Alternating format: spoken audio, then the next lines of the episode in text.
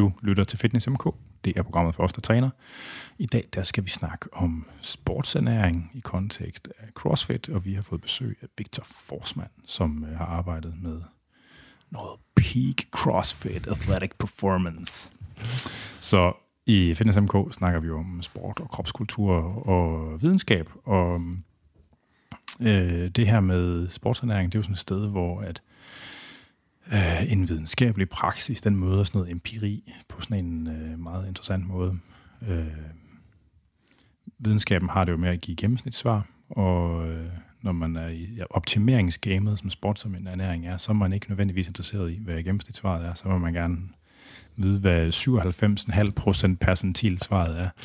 og øh, det, er sådan en, det er sådan en spøjs, øh, øh sådan, hvad kan man sige, øh, knivsæg at balancere på. Så det er der, vi skal hen i dag. Jeg er svært Anders Nedergaard, a.k.a. Dr. Muskel, og velkommen til dig, Victor. Tak skal du have. Hvem er du? Jamen, øh, jeg hedder Victor Forsman, og jeg har en øh, professionsbachelor i ernæring og sundhed. Og så øh, studerer jeg humanernæring på Københavns Universitet, hvor jeg mangler at skrive mit øh, speciale. Ved siden af, der, øh, ved siden af mit studie, der, studerer, eller der vejleder jeg øh, ja, alt fra eliteatleter til øh, ja, helt almindelige mennesker, der egentlig bare gerne vil øh, få nogle bedre vaner og måske komme ned i vægt. Ja. Øhm, men sådan, jeg tror, de fleste de kender mig for, at jeg laver sådan, jeg vejledning til øh, ja, atleter og eliteatleter. Ja. Hvad laver du på, human, eller på human ernæring? Jamen, øh, jeg er i gang med at skrive øh, speciale, øh, hvor jeg faktisk er en del af et studie, der hedder Proper, der handler om, at man vil undersøge øh, forskellige man siger, man vil undersøge et normalt proteinindtag versus et lavt, lavt proteinindtag øh, på udenlandstrænene, og så se, hvad det egentlig kan gøre på performance. Så det, man egentlig gerne vil se, det er, når man, hvis man for eksempel... Øh, Hvad for en slags performance? Ja, men det er sådan en lang protokol egentlig. Sådan en Okay. rigtig lang protokol, hvor vi både kører noget VO2 max, vi kører noget laktat, og vi kører noget øh, time trial til sidst egentlig. Så det er sådan, altså det er sådan en protokol, der, der ødelægger de fleste. Altså, Så det er almindelige mennesker, og det er ikke øh, nej, det er, det er meget veltrænet. Altså det er folk, der er i i udholdenhedsfor... Altså, Ja, udholdenhedstræning. Ja, ja, det det. Øhm, så det er folk, der... Altså, øhm, man kan sige, ink- inklusionskriteriet er, at man træner minimum 8 timer om ugen. Jeg tror faktisk, jeg så en... Øh, jeg tror, jeg så et opslagene for det, faktisk. Ja, altså det er sådan... Altså de derinde, det er... De er vanvittige. Cardio for. Ja, det er det godt nok. Altså Ja. det er den ene, han har, han har kvalet til Hawaii. Øh, hvad hedder sådan noget? Ja. Man. Ja, Ironman, ja. Hawaii. Ja. Øhm, godt nok vil jeg sige amatør, altså age group, men, øh, men han er stadig en, der sådan... Jeg tror, han træner sådan noget 15-20 timer om ugen -agtigt. Altså ved siden af et fuldtidsjob, så det er, det er vanvittigt. Nå, han er træningsafhængig. Ja, ja. Og så, ja. så har forladt sin familie. ja. ja. Ej, så... Øhm, Hvor, jo, så de, hvor, er de hen i vildt, hvor er de henne i kondital eller ildoptagelse? Sådan nogle. Øh, jamen, jeg tror, at den ene, der målte vi et øh, kondital på, jeg tror, det var 61, tror jeg. Okay. sådan noget af den stil. Den vi lige afsluttet af to her. Øh, men det er nogen, der, altså, det er nogen, der holder nogle... Øh, det er også nogen, der kan spise rigtig meget. Altså, det er, det er nærmest det, der har været et største problem. Det der med folk, når de, de kan simpelthen ikke... Øh, de har svært ved at spise nok egentlig. De taber sig i vægt. Så det er sådan... Kontinuert eller på, på, på protokollen? På protokollen til at starte med, så har Okay. folk tabt sig. Nå, Øhm, det er, det er noget lort. Ja, Nå, men på trods af, at vi egentlig indledende, der lavede vi en masse tests på at finde ud af, hvad er deres energiforbrug, øh, eller energibehovet. Øhm, og så oven i det energibehov, der lagde vi sådan en buffer på 10%. Og så på trods af den buffer, når man så, så tabte de sig egentlig.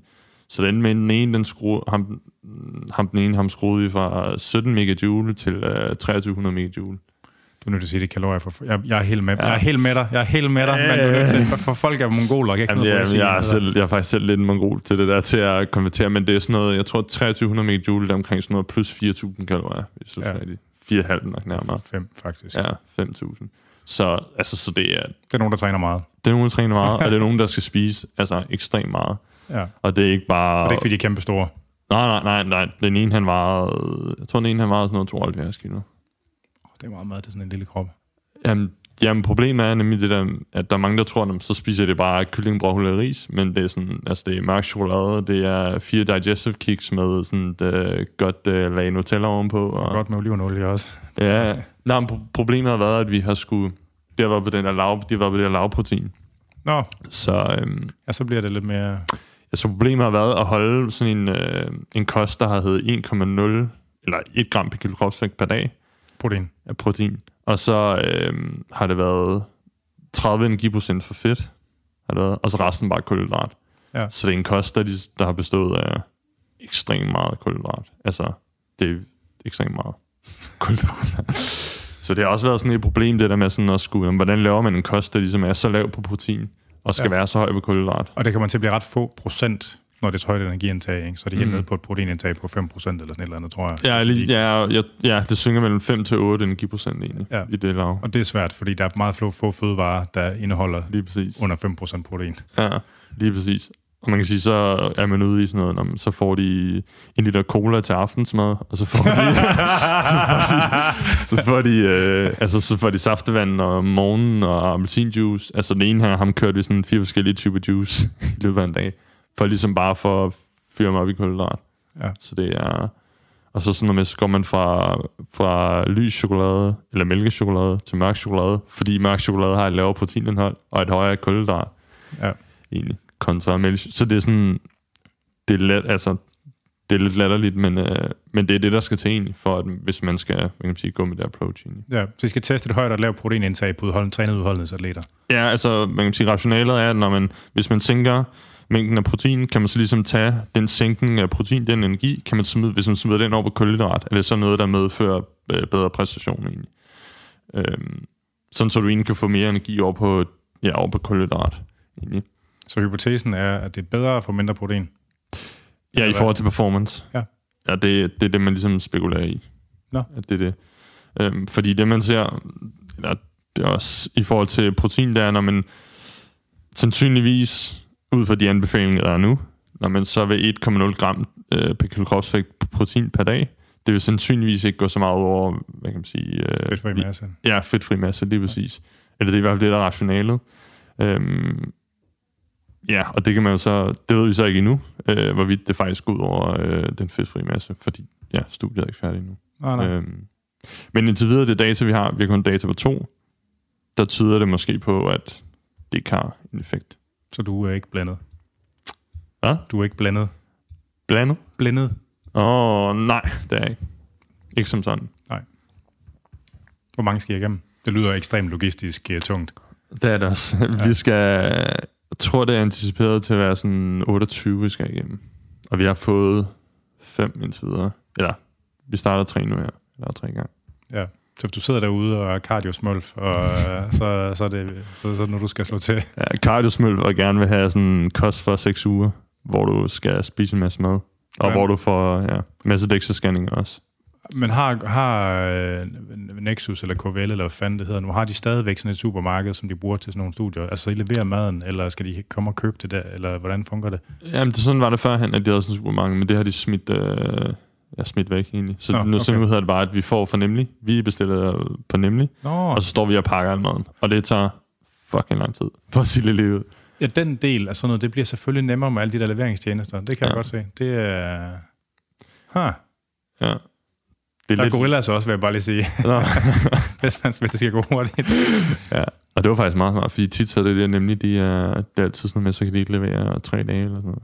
Nå, Faktisk okay. notere. Men øh, Gorilla- Gorillas, det er faktisk også okay, uden at skulle øh, uden at skulle promovere det for meget. uden at prøve det for meget. Ja. Ja. Jeg har prøvet begge dele. Altså, det er begge to begge fint. Men nu er der noget mere mm. Mm. nemlig, de har fået en bedre overenskomst på deres... Øh, jeg ved ikke, hvor slaveagtige gorillas er, men nemlig, de har vist nok fået overenskomst på deres bude, så Ja. hvis man skal være sådan lidt uh, god for verden så er det formentlig bedre. Så jeg er glad, jeg er glad for, at I har valgt nemlig. ja. Øh, hvad er din egen tanke om det der med proteinbalance for, altså sådan for meget trænede? Altså, tror du, det gør en forskel personligt? Fordi Ja, det, det det, tror det, det, lød, det lød som om, det du sagde, at det var, sådan, at det var holdningen i litteraturen, eller Ja. sådan i... Det er holdningen i litteraturen, og det er også holdningen fra forskningslederen Bente Keynes. Ja. Øhm, Er ved det bedre at spise mindre protein?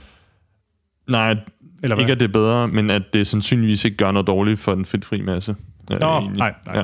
Men man kan sige, at de nyere studier, øhm, sådan i forhold, hvor man prøver at måle proteinbehovene egentlig på, altså sådan well-trained, altså meget trænet sådan, ja, udenrigsatleter, der er der noget, der tyder på, at det egentlig sådan er, øh, at det er væsentligt højere. Det måske egentlig bevæger sig op mod sådan noget 1,6 til 2,6 gram per kilo kropsvægt per dag.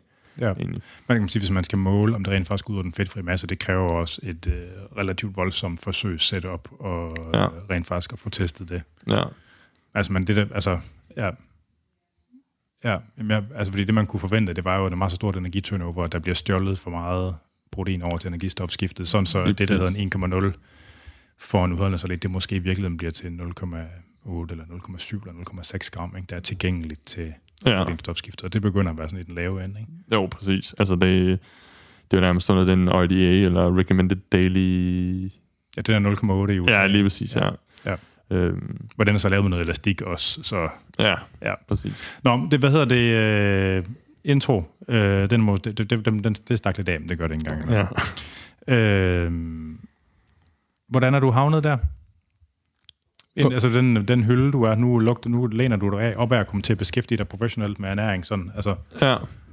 Altså man kan sige, selve sådan interessen for ernæring, den stammer jo, ja, fra egentlig fra back in the day, når man sådan selv begynder at træne, og man tænker, okay, man skal i hvert fald få en shake efter træning.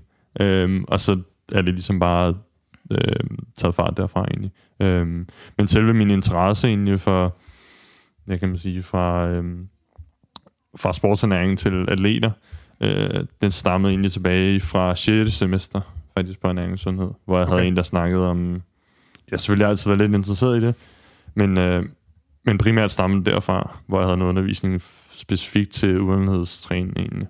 Øh, noget af så, så det er mest målene, du er interesseret i, eller hvad? Ja, eller jeg kan, ja, primært egentlig. Altså Okay. det, det skiftede meget fra, hvad man sige, fra styrketræning til, øh, Ja. til udenlandhedstræning egentlig. Øh, Ja, jeg har også oplevet sådan gennem mit eget liv, at det der ligesom med, at på et eller andet tidspunkt, så synes man sådan, at det lyder sådan lidt hovskidt når man begynder at have gennemført sådan et eller andet område, ikke? eller sådan du ved, eller Ja. man, man kommer til et tidspunkt, hvor at der går længere og længere tid mellem, at man rent faktisk øh, bliver overrasket over et eller andet nytte, ikke? Ja, lige præcis. Og så er det som om, altså, jeg har fået oplevet, at så ens, altså, den der sfære af interesse, den, den flytter sig sådan, eller udbreder sig på en eller anden måde, ikke? Over Ja. tid.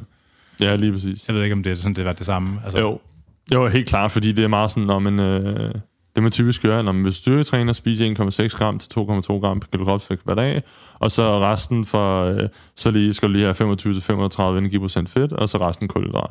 Ja. Og så er det sådan lidt, og så tage noget kreatin, og måske noget proteinpulver, hvis du har svært ved at få nok protein.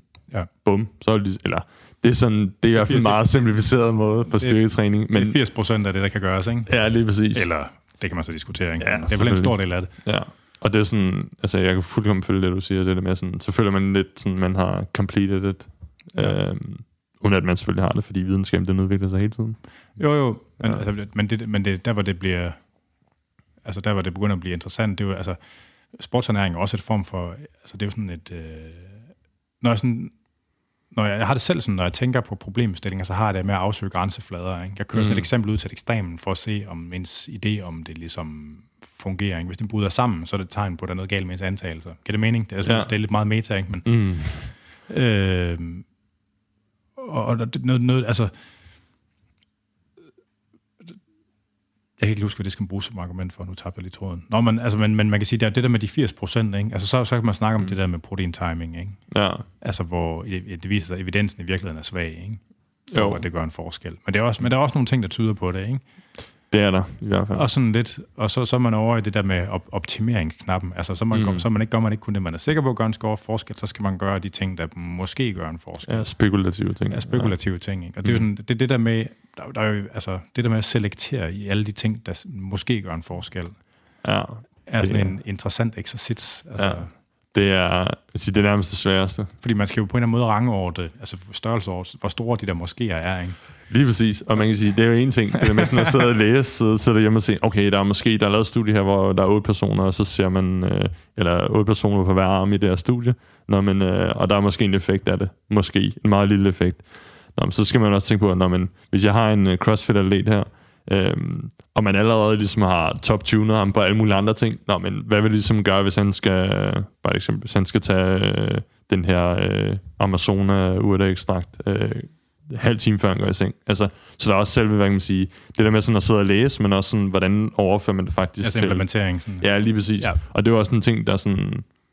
Altså, det er jo det, der gør vejledningen svært, det der med sådan hele tiden også at finde ud af, når man specifikt i forhold til eliteatleter, fordi der, man har en masse værktøjer i sin, øh, i sin øh, kasse, men sådan, når, hvad giver ligesom også mening? Og Ja. man skal ligesom også finde ud af, når man, hvad giver også mening for personen ligesom at fokusere på. Ja. Og så skal man egentlig sådan rangere efter det på en eller anden måde. Ja, og så er der også den, der, er også den der udfordring med litteraturen med, at, at når man laver studier, så har man, øh, opererer man jo ofte med en eller anden effect size på måske øh, 5 procent. Altså Ja. sådan så, at, at det, man, det, man designer sit studie efter, det er ofte, at man kan se en 5 procents forskel. Mm. En 5 procents forskel for en at- atlet, det vil være sådan fuldstændig monstrous. Fuldkommen vanvittigt. Altså fordi ja. når man kigger på, når man kigger sådan på variansen i performance på eliteatleter, så ser man, altså en af de, en af de træk, der definerer eliteatleter, det er, at man bliver mere og mere stabil i sin performance. Ikke? Mm, ja. Øh, og, og så er der- man ser jo sådan, at det er blandt øh, sprinter og springer. Og, ja, altså, ser man jo generelt sådan, at deres, altså deres variation i deres performance, der ligger inden for rammen af 1-2 procent. ja. Så 5 procent Så være... 5, så 5 procent, det er lige pludselig altså sådan rigtig meget at lægge oveni. Ikke? Ja. Og der er sådan, jeg havde sådan et kursus i sådan noget, øh, altså sådan, hvad hedder det, biostatistik for, øh, for sportsvidenskab, Mm. øh, hvor øh, det var sådan et meget sjovt eksempel. Hvis du har, hvis du sætter, hvis du tager, tager 300 meter løber, løber, der løber lige hurtigt alle sammen, og de har den samme afvielse, den samme variation i deres performance, ikke? så vil de i udgangspunktet have 25% chance for at vinde hver især, ikke? hvis du sender løbet afsted. Okay, Hvis man ja. så tager en af dem og løfter hans performance, en standardafvielse, eller en, altså, ja, En SD, ja. ja, så vil hans sandsynlighed for at vinde, den vil stige til sådan noget, øh, jeg tror, tal 56 procent eller sådan noget. Ikke? Okay. Hvis man løfter ham to standardafvielser, så vil det stige til sådan noget, et eller andet 94 procent eller sådan noget. Ikke? Mm. Ja. Ja. Øh, jeg, ikke- ta, øh, deromkring. Bare, altså sådan, Ja. ja. men, men, og det, det, er jo, så- det, vil, og det, det, er jo, der skal man så huske på, at det er jo inden for rammerne af, at, at, de her atleters standardafvielse performance som regel er inden for de der 1-2 procent. Mm. Så hvis man lige pludselig banker 5 procent oveni, altså det vil være sådan helt Ja. vanvittigt. Ikke? Og det gør jo, siger også grundlæggende om de fleste forsøg er jo i virkeligheden øh, designet helt vildt dårligt til Mm. at fange den der slags svar, som man er ude efter, når man sidder som dig og skal krasse ja. procenter ud. Ikke? Ja, fordi som du selv siger, altså det, der er også meget forskel fra, sådan, fra population til population. Altså det er det, man skal huske, når, når, du, sidder, når du sidder med for eksempel en uh, top uh, elite crossfit atlet, når man, det er en person, der er sådan, altså en ekstrem, hvad som, hvad som siger, anomaly. Altså det er en person, der er så, så langt væk fra en, hvad kan man sige, untrained, eller utrænet, end bare en, hvad kan man sige, en almindelig trænet person, som du finder i de 9 ud af 10 øh, studier. Øhm, og så er det ligesom, når, hvordan kan man overføre det til en, der er ekstremt trænet? Fordi det, man ser, når der er bare de interventioner, man laver, der, der er bare forskel fra population til population. Altså, Ja. øhm, så, så det gør det også, ja, det gør det endnu sværere også at sige, når man er noget, der giver, er det ligesom batter. Altså, fordi ja, man kan ligesom ikke, mm, 5% er ikke noget, man kan overføre til, altså hvis man finder 5% i et studie på utrænet, Så er det doping. Jamen, det, er ikke, det er ikke 5%, man kan sige. Nå, så får lige 5% her på øh, ham her, lige vejleder her. Altså, det, ja. som fungerer det ikke. Nej, så, der, Ja. altså sådan, så, i- så i forhold til det spørgsmål, man gerne vil have svaret i, besvaret i en optimeringskontekst, Mm. så de fleste studier er jo altså underpowered helt vildt. Ikke? Helt vildt. Altså, Altså, altså det er jo- ekstremt. Og det, det er Man kan sige, ja, et issue. helt klart. Altså, det er nærmest egentlig det største problem inden for sportsernæring. Det er, at man har sådan nogle studier, der er så underpowered egentlig. Øhm, medmindre man har, medmindre man kører studiet over ja, ekstremt lang tid. Men det koster også bare... Og ekstremt mange personer. Ja, ja, og det koster kassen. Ja. Øhm, Ja. Så Hvad er den vildeste ting, du sådan har oplevet, som i, for, altså, som i forlængelse af sådan en intervention? Altså, har du haft sådan en, wow, hold da op, det var... Jeg vil sige, jeg havde, øh, jeg havde en, øh, en sprinter faktisk, der hed øh, Simon Hansen. En, han har vundet DM i, på 100 meter øh, blandt andet, og 200 meter, tror jeg også, han har. Øh, han, øh, han har aldrig prøvet koffein før. nice. ja. og så, øh, så startede vi en der sådan, normalt så hedder anbefalingen øh, 3-6 mg per kilo kropsvægt. Ja, Og så, those are, those are rookie numbers. så startede vi, faktisk så tænker jeg, når, men vi, vi prøver at starte lidt konservativt ud, fordi der, der er nogle studier, hvor, det sådan, hvor de tester sådan noget 2 mg per kilo kropsvægt for folk, der er, der er, Helt naiv. er helt naive på koffein. Så prøvede vi det, og så, øh, ja, så eksploderede det nærmest, øh, faktisk. Men så, øh, Altså, ja, hvad han, betyder det? det vil sige, han, sådan, han havde svært ved sådan at opleve træthed, altså sådan under sine træninger. Nå. Hvor førhen havde han sådan, var hans oplevelse, at der kunne han godt mærke den der træthed sådan senere hen i træningen på sådan, de træner jo sådan to-tre timer i længde. Ja. Øhm, der kunne han godt, og man kan sige, den træthed, den, øh, hans følelse var i hvert fald, at der var langt mindre træthed. Altså langt mindre. Ja. Og man kan sige, når man, hvor meget mindre træthed var det fra før til koffein? who knows. Men Ja, altså... Var der noget, der var målbart? Altså sådan, Øh, ej, altså, det var ikke noget, vi, det var ikke noget, vi kunne Ah, måle på, okay. men man kan sige, at hans subjektive oplevelse var i hvert fald, at når man, der er langt mindre, mindre træthed. Altså sådan, når, når han ligesom normalt vel har oplevet træthed. ja. Øhm, man kan sige, det er også en af de sådan, udfordringer, der er sådan, når man når, når jeg sidder med en og vejleder en, og så man ligesom gennemfører måske to-tre interventioner, måske på samme tid. ja. Så er det svært at sige, hvad er, ligesom der, hvad er det, der har den der gør effekten egentlig? Altså, Ja. ja. er, det, er det koffeinen, eller er det det at få lidt kulhydrat under træning, eller hvad er det ligesom, der, øh, der har den største effekt? Eller, ja. ja, så, Jeg har en øh, anekdote om koffein. En, øh, en læge i øvrigt, hvis navn her ikke behøves var nævnt, men som havde, øh, han havde noget koffein til at stå i, altså hvor han havde købt en spand i pulverform i udlandet, okay. og så var han kommet til at tage det i stedet for kreatin en dag. Så han har taget 5 gram koffein, Hold da og kæft. det ryger man altså på skadestuen af. Ja, hold da kæft. Der fik han det ret skidt af. Så det skal man passe på med. Men det er også derfor. Ja. man ikke må købe det i pulverform i Danmark. Ja, selvfølgelig. Så watch out out there. Det, blev, det stak lidt af med introen, hvad hedder det? Men det er jo, sådan er det jo en gang imellem. Ja. Så øh, hvis man har spørgsmål til nærværende program, eller tidligere, eller forslag til nye, så kan man skrive ind på afn eller gøre det på programmets Instagram-side eller Facebook, som begge to hedder FitnessMK. Dagens afsnit af Fitness MK, det er præsenteret i samarbejde med Zetland.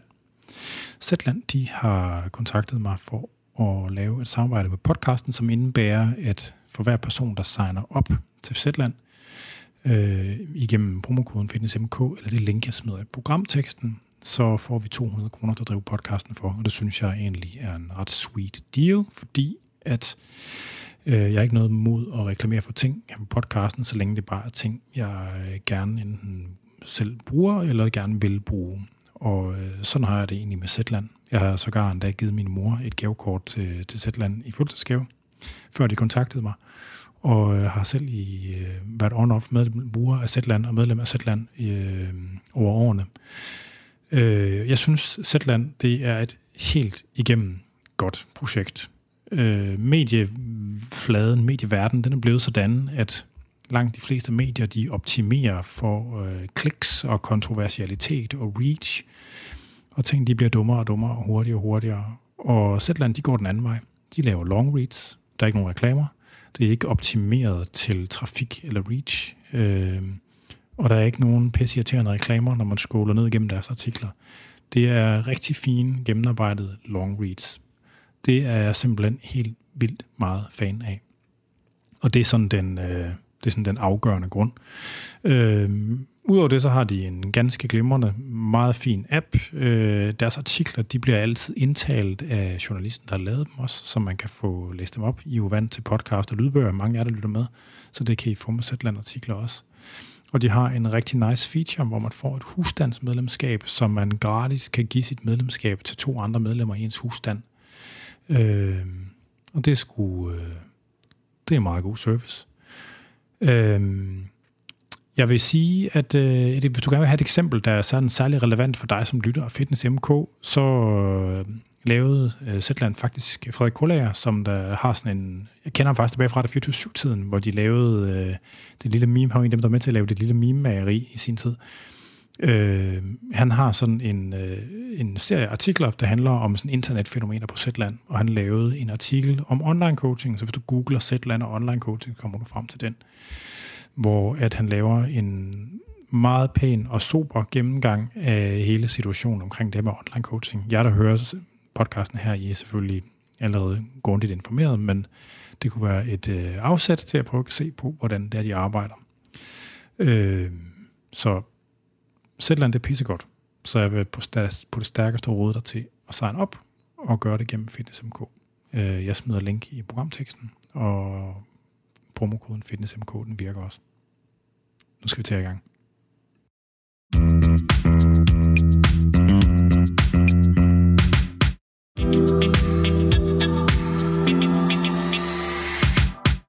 Så skal vi til i gang. Øh, jeg tænker, at vi har sådan en grov opdeling, der hedder at først snakke lidt om arbejdskrav, altså inden for, rammen af, inden for konteksten af CrossFit. Mm. Øh, og så måske og så bagefter snakke lidt om, sådan, hvad for nogle konkrete ting, der udmønter sig i uden for konkurrence, og derefter i konkurrence. For det er sådan lidt, jeg ved ikke om det, altså hvis du har Er det okay, vi gør det sådan? Eller vil du, er der sådan et andet punkt, du gerne vil have klemt ind et sted undervejs? Eller? Tænker du, det sidste punkt, er det i forhold til sådan en konkurrencestrategi, eller hvad tænker du? Jamen altså, hvad gør man på selve dagen? Nå, ja. Altså helt konkrete ting. Hvad for, altså øh, low residue diet, kosttilskud, øh, Ja. koffein, Ja. alt det der knald. Ja, Øh, Mm. Ja. det tænker jeg. Øh, CrossFit, arbejdskrav. Ja, Det er jo et spøjst dyr, fordi det har så mange forskellige ting. lige præcis. Ja. Og det, jeg kan sige, ja, det er det, der gør det svært i hvert fald, hvis man skal prøve at sige, tilrette ens kost i forhold til arbejdskravene på en eller anden måde. Ja. Øhm, ja, hvis man skal gøre det mere specifikt, når man så, øh, så nytter det, eller så giver det rigtig god mening at prøve sådan at tænke, om, hvad er det for nogle arbejdskrav, jeg har egentlig. Øhm, fordi arbejdskravene er også med til at diktere, når man, hvad, hvad for nogle interventioner giver det som også mening egentlig at lave. Øhm, ja, men, men arbejdskravene afhænger, eller ikke afhænger, men varierer jo helt fra, jeg tror, der er nogen, der varer sådan noget et minut, hvis jeg husker rigtigt. Nogle, øh, Og der er jo max for, der er jo for, for max vægt, altså kan man sige, Ja. ikke? typisk over, hvad bygger man typisk over 5-10 minutter, ikke? ja, hvor man selv skal skifte vægt der, og det hele. Ja, ja. Der, er, jo- der, er jo, det er jo en lav grad af udmattelse i hvert fald, ikke? Mm, ja. Og så kan man sige, så nogle af dem, de var jo helt op mod en time nærmest. Er der helt op til en time nu? Øh, Ja, der, der har i hvert fald været nogle events tidligere, i tidligere CrossFit Games, hvor de har varet øh, en time. Og så tror jeg også her til sidste CrossFit Games, det første event, der varede det for nogen også de der sådan... Hvis jeg husker rigtigt, så var de 30-40 minutter også sagtigt. Nogle Okay. af dem. Men der er tidligere, altså historikken viser, at det godt var op mod en time egentlig. Ja. Øhm, Så man er i hvert fald over i arbejde under en til VO2 max. Ja, det er man i hvert fald. Ja. Øhm, og man kan sige, det, det, man kan sige, ja, at der er forskellige arbejdskrav, men det gør også, når man så bliver man også nødt til at lave, man kan sige, det, det har i hvert fald implikationer i forhold til de ting, man måske gør under ens off-season også, i forhold til, øhm, Ja, ja altså, forhold til kost. måske giver det mening at dele det op i nogle arbejdskrav, der vedrører antro, altså kropssammensætning og størrelse og fedtprocent, og nogle, der handler om arbejdsformer. Ja, lige præcis. Altså- Altså, ja. Altså så, så hvis vi, altså, nu, det, vi snak, det du snakkede om først, det var noget, der vedrører arbejdsformer. Mm, Øh, ja. må- altså, men, så der er noget med at være så stærk som muligt. Mm, ja, stærk som muligt. Og så er der også noget sådan, hvad kan man sige, muscular endurance. Det vil Ja. sige noget, der var sådan, der måske har været mellem, alt mellem 10 til 30 minutter egentlig. Måske nærmere 5 til 20 minutter. Måske nærmere. Ja. Øhm, og så er der også noget, hvad kan man sige, hvor at sådan en rolle som fedtforbrænding også kommer til at spille en rolle. Det vil sige, når man ligesom når ud over de der, man kan sige nok nærmere, når man når ud over de der sådan plus 40 minutter egentlig. Man kan sige, fedtforbrænding spiller nok altid en eller anden rolle, hvis man godt, kan sige, fordi problemet er også med crossfitter, når de er sådan, for eksempel games, eller noget over en, over en weekend, det er, når man, de kommer sandsynligvis nok til at konkurrere på sådan, på lave glykogenlager. Eller i hvert fald ikke, hvad kan man sige, høje nok, eller hvad kan man sige, fyldte glykogenlager. Det vil sige, når man, hvis, hvis det er præmissen, så giver det også mening at prøve at sige, "Nå, hvordan kan vi ligesom spare på det her glykogenlager?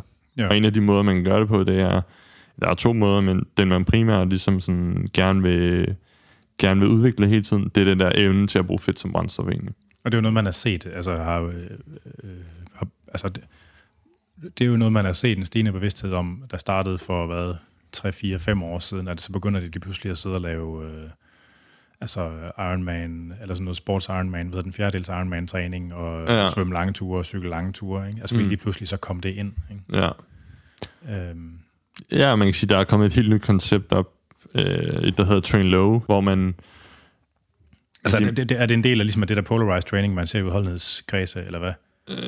Jeg er ikke så bekendt med polarized training. Okay. Sådan. Øhm, men Train Low går i hvert fald ud på, at man, man har en træningssession, hvor man, øhm, hvor man træner på begrænset glykogenlager. Nå sige- ja, ja. På den måde. Fordi det, man ser der egentlig, når, når glykogenlageret bliver forholdsvis tømt, når man, så sker der egentlig en opregulering af ja, en- enzymer, der er en del af fedtmetabolismen. Så det vil sige, at din, din evne til at bruge fedt som brændstof, den stiger. Altså Ja. voldsomt. Kontra hvis du trænede på glykogenlager egentlig. Ja, ja altså, ja. Og men det spiller vel, det spiller jo ind i uh, polarized training. Altså polarized training, det der er kon, altså konceptet der, det er jo, at man kun laver højintens og lavintens træning. Man skærer ligesom det der i midten, det reducerer man byrden ret. meget. Mm. Fordi det er ofte sådan, at det der i midten, det er det, der er det mest, rest- det er det mest restitutionskrævende. Mm. Altså så, Og så, øh, når, altså, jeg har i hvert fald set et enkelt studie, der ser, der ser utrolig pænt ud, hvor man så har sammenkørt det med en ernæringsstrategi, hvor man sørger for, at folk de laver det lavintense med, i en situation med lav kulhydrattilgængelighed, og det højintense mm. i en situation med høj kulhydrattilgængelighed. Ja. Hvor man så, og det har man lavet som sådan et kontrolleret studie, hvor man så har haft en kontrolgruppe, der har haft den samme, lavet den samme træning med samme kulhydrattilgængelighed hele vejen igennem, Ja. hvor det så ud til, at det virkede bedre, Mm. det her. Ikke? Men altså, Ja. med Ja. ja. enkeltstudier og alle de svagheder, der Ja, ja, ja. og sådan noget. Ikke? Men, men det er i hvert fald en måde at tænke træning på, Mm. mm. som der er populær blandt øh, udholdenhedsatleter for tiden. Altså, altså triathlon, maraton, cykelrytter og sådan noget. Ja. Som så tilfældigvis passer sammen med noget ernæringsknald, ikke? Ja, fordi det er blevet populariseret. I hvert fald det, som du beskriver der, det er også det, man kalder train low, train high. egentlig. Ja, ja. At man prøver ja, til de højintense træninger, hvor kulhydrat er det primære brændstof, øhm, så fyrer man ligesom også, ja, så har man i hvert fald en høj grad af kulhydrattilgængelighed i muskulaturen også, som Ja. ja. giver jo super god mening. Vil du ikke lige fortælle dem, hvordan øh, substratvalget, eller sådan, hvad for der, hvordan brændstofvalget virker under træning med forskellige intensiteter, sådan, så folk derude, de er med på den? Jo, jamen det man egentlig ser, det er, at altså, der er sådan... Øh, jeg kan ikke lige huske R-værdien, men den er sådan, der er et rimelig lineært forhold mellem øh, procent af ens VO2 max og mængden af kulhydrat, man bruger under træning. Så det vil sige, hvis du træner ved en, lad os sige, hvis en 30% af din VO2 max, så vil størstedelen af det være, øh, vil du bruge fedt som brændstof. Og hvis du træner ved 55% af din VO2 max, så vil det sandsynligvis være, øh, hvad kan man sige, vil, vil det være ved forhold mellem kulhydrat og fedt. Der vil være en højere mængde kulhydrat, men du vil stadig primært bruge øh, fedt som brændstof. Og så egentlig 70% af ens VO2 max, hvis du træner der, når man, så vil det være primært med kulhydrat. Og sådan, man kan sige, sådan er forholdet egentlig invers, hvis man kan sige det sådan. Ja. altså der er det, et- man ser, at der er en invers forhold mellem, øh, mellem kulhydrat og fedt relativt til øh, træningsintensitet egentlig. Ja. Hvis det giver mening. Og den der er ting, du snakkede om, det er respiratorisk quotient. Ja, Sådan. lige præcis. Så det er fordi, man kan måle på forholdet mellem, hvor meget ild man indånder, hvor meget koldioxid man udånder, Mm. øh, hvad det er, man brænder af. Ja. I hvert fald så længe, at der ikke er mærkelige, øh, alt for mærkelige kosttilskud blandet ind i det. Altså. Ja. Altså, øh, The good stuff. ja. og så... Øh, men vil, vil du ikke lige beskrive det begreb, for det er det, vi taler om i virkeligheden. Altså, øh, det her med, altså, med altså, ja, metabolic fitness. Altså det her med, hvad, hvad er det, der... Altså, hvorfor, er det der, hvorfor gør det en, en, en forskel at have, være, være bedre til forbrændt fedt for en person, der ellers primært er afhængig af kulhydrat? Bare bøj det i næren, så folk derude, de er med i den. Altså, Altså man kan sige, fordelen ved at bruge primært fedt som brændstof, altså lad os sige, du udvikler din evne til at bruge fedt som brændstof helt meget, det er en ekstrem stor fordel, fordi at vi har ubegrænset mængder af man kan sige, fedt på vores krop egentlig. Altså, hvis du bruger alt dit øh, fedt på kroppen, så når du at dø, inden du har, inden du har forbrændt det hele, egentlig, sjovt nok. Eller, der, ja, altså man, vi har energi til meget, meget Ja, langt. vi har energi til ekstremt meget. Øhm, hvorimod at kulhydrat, det er meget, meget mere begrænset egentlig. Øhm, vi lærer nok det, der svarer til 300-700 gram øh, kulhydrat i muskulaturen og 90-150 gram øh, glykogen i leveren egentlig. Ja. Øhm, og det er, sådan, det er rimelig begrænset, hvis du for eksempel skal lave en, lad os sige, du skulle lave en Ironman, øh, og lad os sige, du er ekstremt dårlig til at bruge fedt som brændstof, så når du er kørt død inden, Ja. ja, før du er færdig med en Ironman i hvert fald på kulhydrat. Ja. Øhm, så det er derfor, det er, man kan sige, det er altid en fordel at udvikle ens evne til at bruge fedt som brændstof, fordi det simpelthen bare er et, ube, et, ja, et ubegrænset øh, energilager. Ja. Ja, man, man har flere, altså selv folk med en lav fedtprocent, de har flere kilo fedt at bruge af, og der er over dobbelt så meget energi i fedt som i kulhydrat. Altså, Ja. der, der er meget, meget mere energi, selv for en person, der er ret lean. Ja. Ja. Jeg har egentlig, altså det er jo sådan et begreb, der uh, har sådan har flakset rundt derude. Kender du tallene på, hvor stor størrelsesorden er? Altså sådan, hvad, hvad, hvis man nu kigger på en, øh, øh, en eller anden almindelig her, fru Hakkebøf, altså sådan, ja, og så en udholdenhedsatlet, altså kan man, øh, kan man sætte noget, sige noget kvantitativt om, hvor meget mere fedt de kan brænde af i minuttet eller timen, sådan? Altså, hvor mange kalorier de kan hente fra det? Uh, det, det kan jeg ikke huske. Det, Jamen, jeg, jeg, jeg, ja. jeg, jeg har aldrig selv vidst det, men jeg Nej. bare til, det, for jeg, det er sådan et begreb, der er sovset rundt derude. Ja. Men jeg, er egentlig, jeg kan ikke huske, at jeg nogensinde har set sådan nogle helt konkrete tal på det. Det kunne være meget sjovt, og øh, ja, hvis der er nogen, der sidder på det derude, så skriv ind. Så, øh, Ja. det, jeg vil egentlig gerne vide det. Jeg, jeg har let, jeg husker, jeg har let efter det tidligere nogle gange. Jeg er ikke sådan... Ja. kunne sætte sådan en tal på. Nej. Hvad med sådan noget antropometri? Altså med fedtprocent og muskelmasse og sådan noget. Hvad, hvad for nogle overvejelser har du sådan, gør du der der i forbindelse med CrossFit-atleter?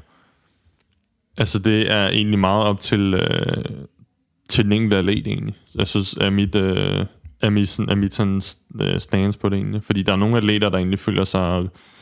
Altså, nu har jeg helt konkret nogle øh, klienter også, øh, hvor de føler sig bedre kørende på en lidt højere kropsvægt. Øh, i, fordi det er jo hele tiden et mismatch, med, eller ikke et mismatch, men det er et match mellem sådan, når man, hvis du går ned i vægt, så kan, er, er der en større sandsynlighed for, at du nok du kan sandsynligvis miste noget af din motor på konditionsdelen, men så kan det være, at du bliver bedre på gymnastikken for eksempel. Ja. Så det er hele tiden sådan et, hvad man siger, et, et match mellem, når man, øh, hvis jeg går ned i kropsvægt, så kan det være, at jeg mister noget af min, af min motor på, øh, på konditionsdelen for eksempel.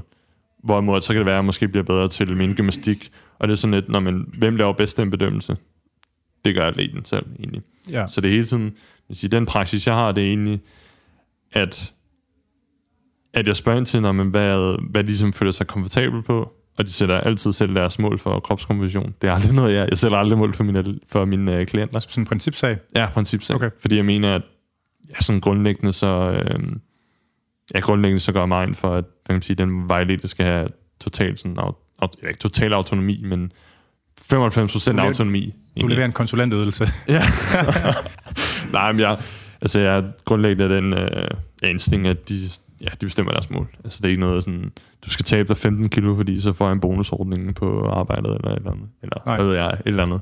Altså, øhm, så det er egentlig meget op til den enkelte egentlig at vurdere, når man, hvad, hvad følger de egentlig sådan, giver bedst mening i forhold til, øh, Ja, ja. til, deres, til CrossFit. Fordi det er jo sådan, ja, det er meget forskellige discipliner egentlig, hvor det kan, i nogen kan det være en, en, en fordel at have forholdsvis meget muskelmasse, og så er nogle andre, hvor det måske giver mening at prøve at, at være lidt mindre egentlig. For eksempel med gymnastikken. Ja. Øhm, og det ser man jo tydeligt også til CrossFit Games. Der er nogle af de, nogle af de sådan lidt større, når man de kan gøre det sværere ved sådan de der øh, gymnastikdele, og så er der nogle af de lidt mindre, der sådan flyver bare igennem, ja, flyver Ja. bare igennem de der øh, bodyweight. Altså det er jo øh, i, altså med forbehold for selvfølgelig, at folk er forskellige og sådan noget, så er det jo så er det lettere at hakke nogle kilo af, af på fedtfri masse, end det er at tage dem på Mm. igen. Man kunne godt man kunne spekulere i det her med at smide nogle kilo sådan rimelig tæt på, men ikke alt for tæt på, fordi man, man beholder det der motor, du snakker om, Mm. altså der, det, der beholder man jo noget af det i tiden efter, man har tabt sig, ikke? Jo. Altså, man kunne godt spekulere i det. Altså, eller er det noget, som du har rodet med, eller er det for farligt, eller sådan for... Øh... Altså, det er sådan lidt det det på kanten, ikke? Altså, Ja. det kan godt give bagslag, altså, hvis man taber sig for Præcis. tæt på, og... Ja. Altså, man kan sige generelt, så er, ja, er min overbevisning, at, øh, at det der med sådan at lave sådan større ændringer i ens kropskomposition, sådan in season, eller meget tæt mod sådan en konkurrence, det er nok noget, man skal holde sig lidt fra. Hvad kalder du større? For eksempel at tabe sig, det ved jeg ikke, 4 kilo, sådan 4-6 uger før en, før en, øh, før en konkurrence, for eksempel. Ja, altså, Altså- det, er jo, det er jo meget for en, der vejer et eller andet, hvad ved jeg, 80-85 kilo. Altså, Ja, men, men det, altså, det, er ikke, øh, det er ikke desto mindre det, man ser. Altså Ja, sådan, at, ja, ja. Øh, især også de anbefalinger, der er, fordi nogle af dem hedder jo... Ja, for eksempel, hvis du, hvis du går igennem litteraturen, så hedder en anbefaling sådan noget 0,5 til 1% af ens kropsvægt per uge at tabe det. Og man kan sige 1%, og det er, jo- det er, endda lidt, det er måske endda lidt Ja, hårdt. det er også lidt aggressivt, ja. men, men, men det kan hurtigt, altså det kan hurtigt blive kanaliseret ud i ja, 4 kilos vægttab på 4-5 kilos vægttab på 6 uger, egentlig. Ja. Ja, sådan hurtigt. Øhm, Men, men ta- altså, ja, altså, jeg tænker, hvis for folk, der træner rigtig meget, så altså, hvis man skal tabe sig øh, op mod en procent af sin kropsvægt i ugen, det er jo næsten et kilo, ikke? Ja. Eller sådan, så skal man være i hvad? Om, øh, øh, altså 1000 kalorier altså underskud per dag eller sådan noget. ja, Hvis man træner rigtig meget og er sådan i gang med at peak op til en konkurrence, Så er det voldsomt. Det er fuldstændig hjernedødt. Altså, Ja. det er jo meget få mennesker, der vil have det rigtig godt med det. ja. Jamen, altså man kan sige, fordi grunden til, at jeg også har den overbevisning om, at man måske skal lave de store ændringer, det er fordi, at op mod konkurrence, når man så vil det også bare være et større pres. Altså fordi du har en, måske en training load, der piker rigtig meget, og du leder efter de der sådan, ja, du leder efter de tilpasninger, ligesom op til. Og så kan man sige, når man giver det så mening, du prøver rigtig meget stress, altså ved at sådan, at din træningsvolumen, den øh, stiger nok øh, op til. Mm. Så det er et øget pres, og så også være i, samtidig være i et kalorunderskud. Endnu ja. større pres, egentlig. Så man kan sige, det, det er derfor, det måske egentlig giver bedre mening at prøve at gøre de ting i din off-season egentlig. Og så sige, okay, nu prøver jeg at arbejde lidt med min kropskomposition, og så her i off-season, og så in-season, jo, der kan jeg måske godt lave minor tweaks, altså meget små tweaks i min øh, kropskomposition, men man kan sige, der er formålet egentlig det der med sådan at, at sikre sig, at performance egentlig er optimal. Og det, ja. man kan sige, performance er altid optimal omkring ligevægtsindtag, eller måske ja. lidt over. Hvis nu du havde den perfekte atlet, der ikke var spiseforstyrret, ikke var modtagelig over for nogen form for stress, øh, og hvor det ligesom, der var ikke nogen overvejelser, man skulle have. Man kunne bare sige, du skal gøre sådan, og så sker det bare bang. Ja. Hvad tænker du så, man skulle, altså sådan den, øh, altså hvad tænker du så, man skulle gøre? I forhold til interventioner? Eller? Ja, jamen i forhold til det her med, med kropsvægt, altså. Jamen altså, så ville det være... Og, og fedtprocent, og altså... Ja, altså så ville det være at tage, øh, tage off-season, og så prøve at tage sådan et uh, langsomt og slow approach. Det vil sige, tage noget Ja, en guideline er også, i forhold til at tage på i masse, det er sådan noget 0,3 til 0,7 procent af ens kropsvægt. Læg sig deromkring, og så egentlig bare på at tage på i masse. Øhm, og så man kan sige, den masse, du endelig tager på, når man, så skal du finde ud af, når man, hvad konkurrerede på sidste år, hvad føles godt, sidste gang konkurrerede, hvad føles godt. Øhm, og så på baggrund af det, så måske sige, når man, så lad os antage, at man måske har taget noget muskelmasse på, måske jeg siger, det var en rigtig god off-season. Du har taget 3 kilo muskelmasse på, hvilket er ekstremt højt.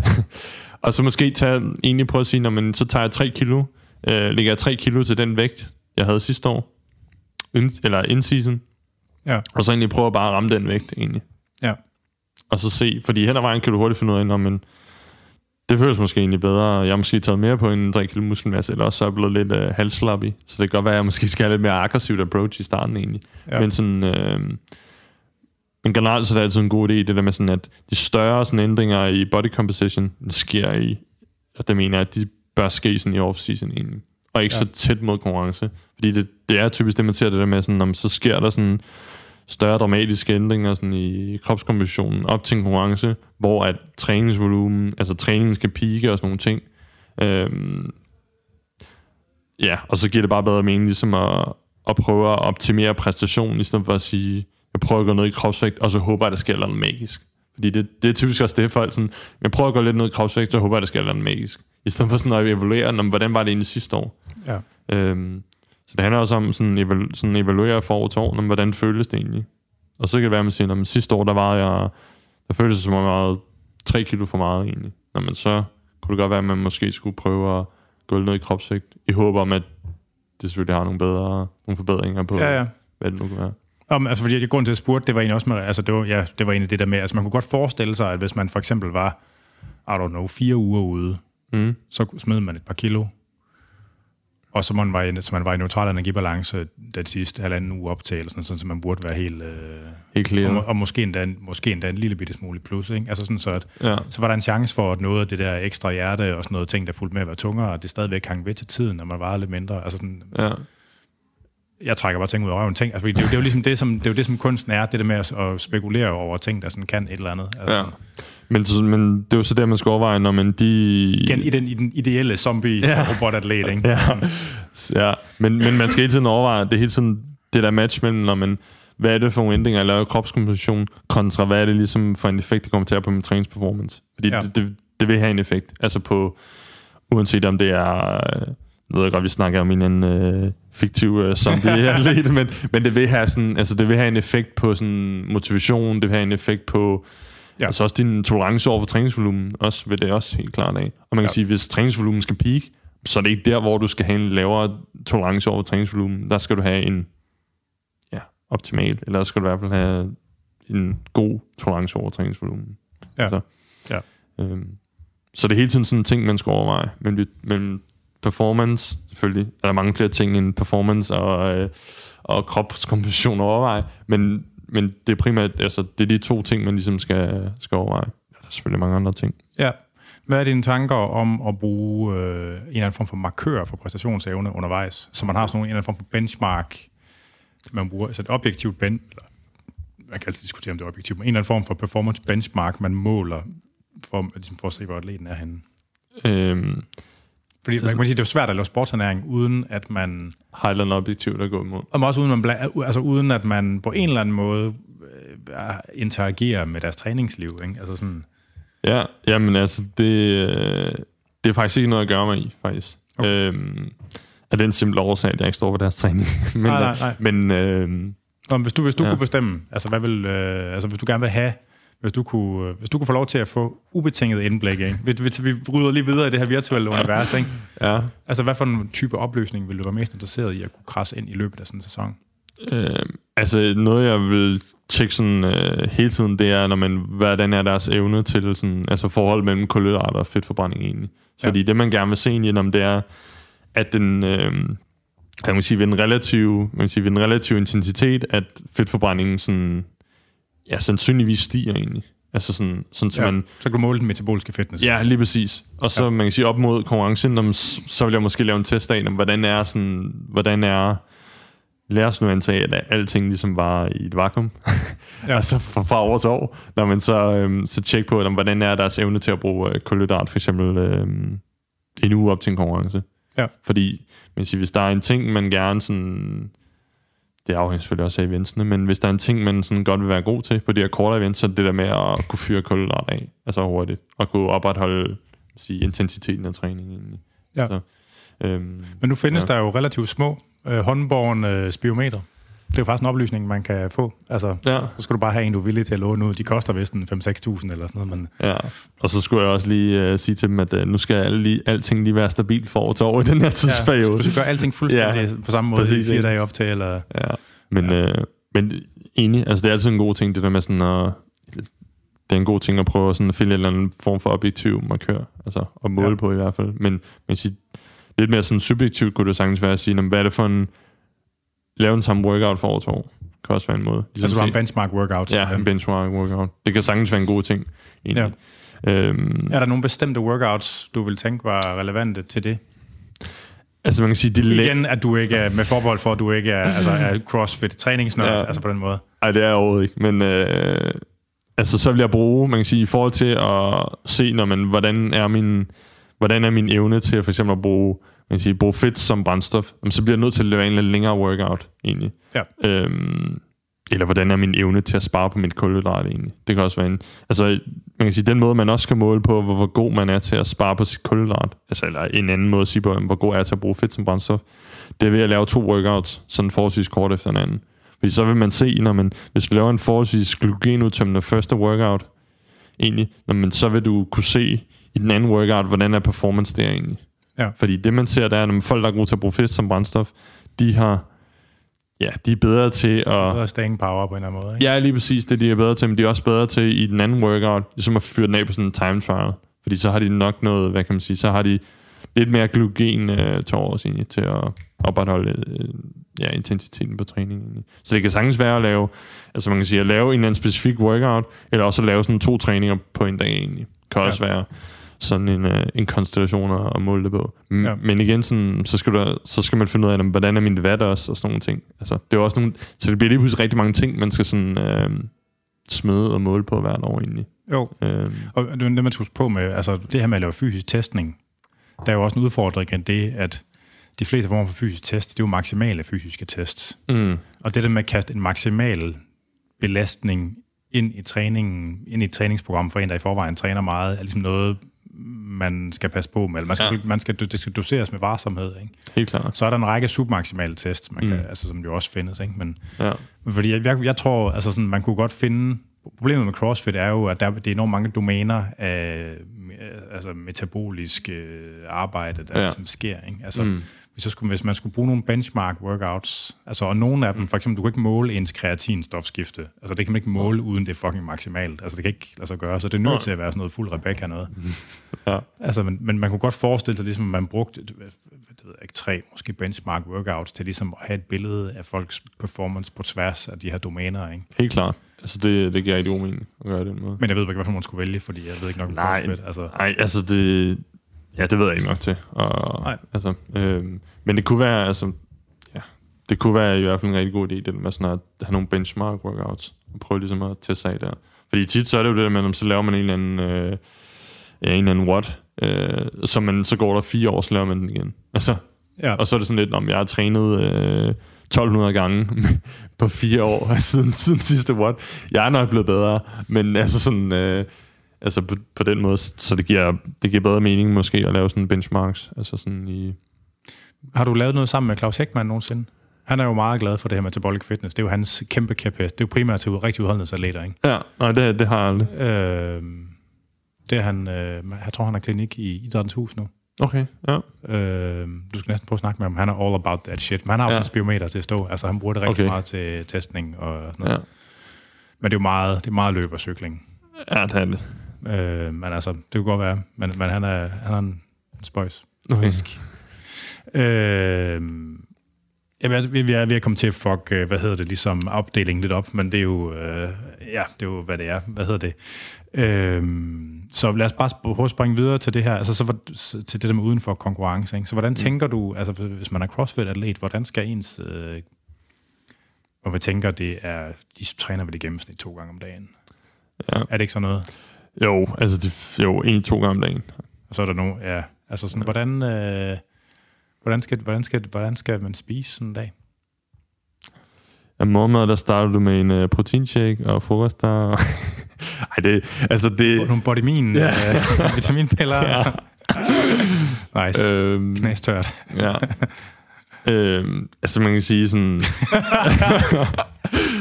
altså, det, tænker du bare en hel dag? Ja. Ja. Nå, men nu kommer der konkret omkring øh, altså fordeling hen over måltiderne, hvor mange, eller hvor mange kalorier, makronæringsstoffordeling, hvordan er det fordelt på måltider, øh, præ, intra og post-workout, hvis det er en, altså i det omfang, det er en ting. Ja. Så det er ligesom de overvejelser, jeg tænker, jeg gerne vil høre noget om. Ja, okay. Så jeg sige, det er altid en god ting øh, at starte øh, dagen ud med øh, væske, sjovt nok, fordi du har, man har tabt noget væske ind over natten. Og så et eller andet sådan... Øh, Normalt så anbefaler jeg altid et eller andet forholdsvis kulhydrat tungt mål, eller morgenmåltid, fordi der nok sker en eller anden grad, et eller andet tab af glukogen hen over natten. Ja. En eller anden grad. Øhm, og man kan sige, hvor specifikt skal det være? Øhm, i, eller sådan en relativ mængde til kropsvægt? Det er svært at sige. Altså, det er det. det er, der, kan, altså, der er ikke sådan... Øhm, det man ser, det er, når man, lad os nu sige, du spiser, du ikke spiser morgenmad, øh, kontra hvis du spiser morgenmad, så ser man, at, at folk, der spiser morgenmad, de performer, de performer bedre, øhm, de performer bedre end folk, der ikke spiser morgenmad. Altså sådan senere på dagen. Det har man testet. Okay. På, øh, på folk, der laver sådan noget, øh, ja, på cykelrytter, eller på folk, der cykler. Øhm, ja, ja. Så der er helt klart noget at hente i forhold til... På hvor lange cykeltræningspas?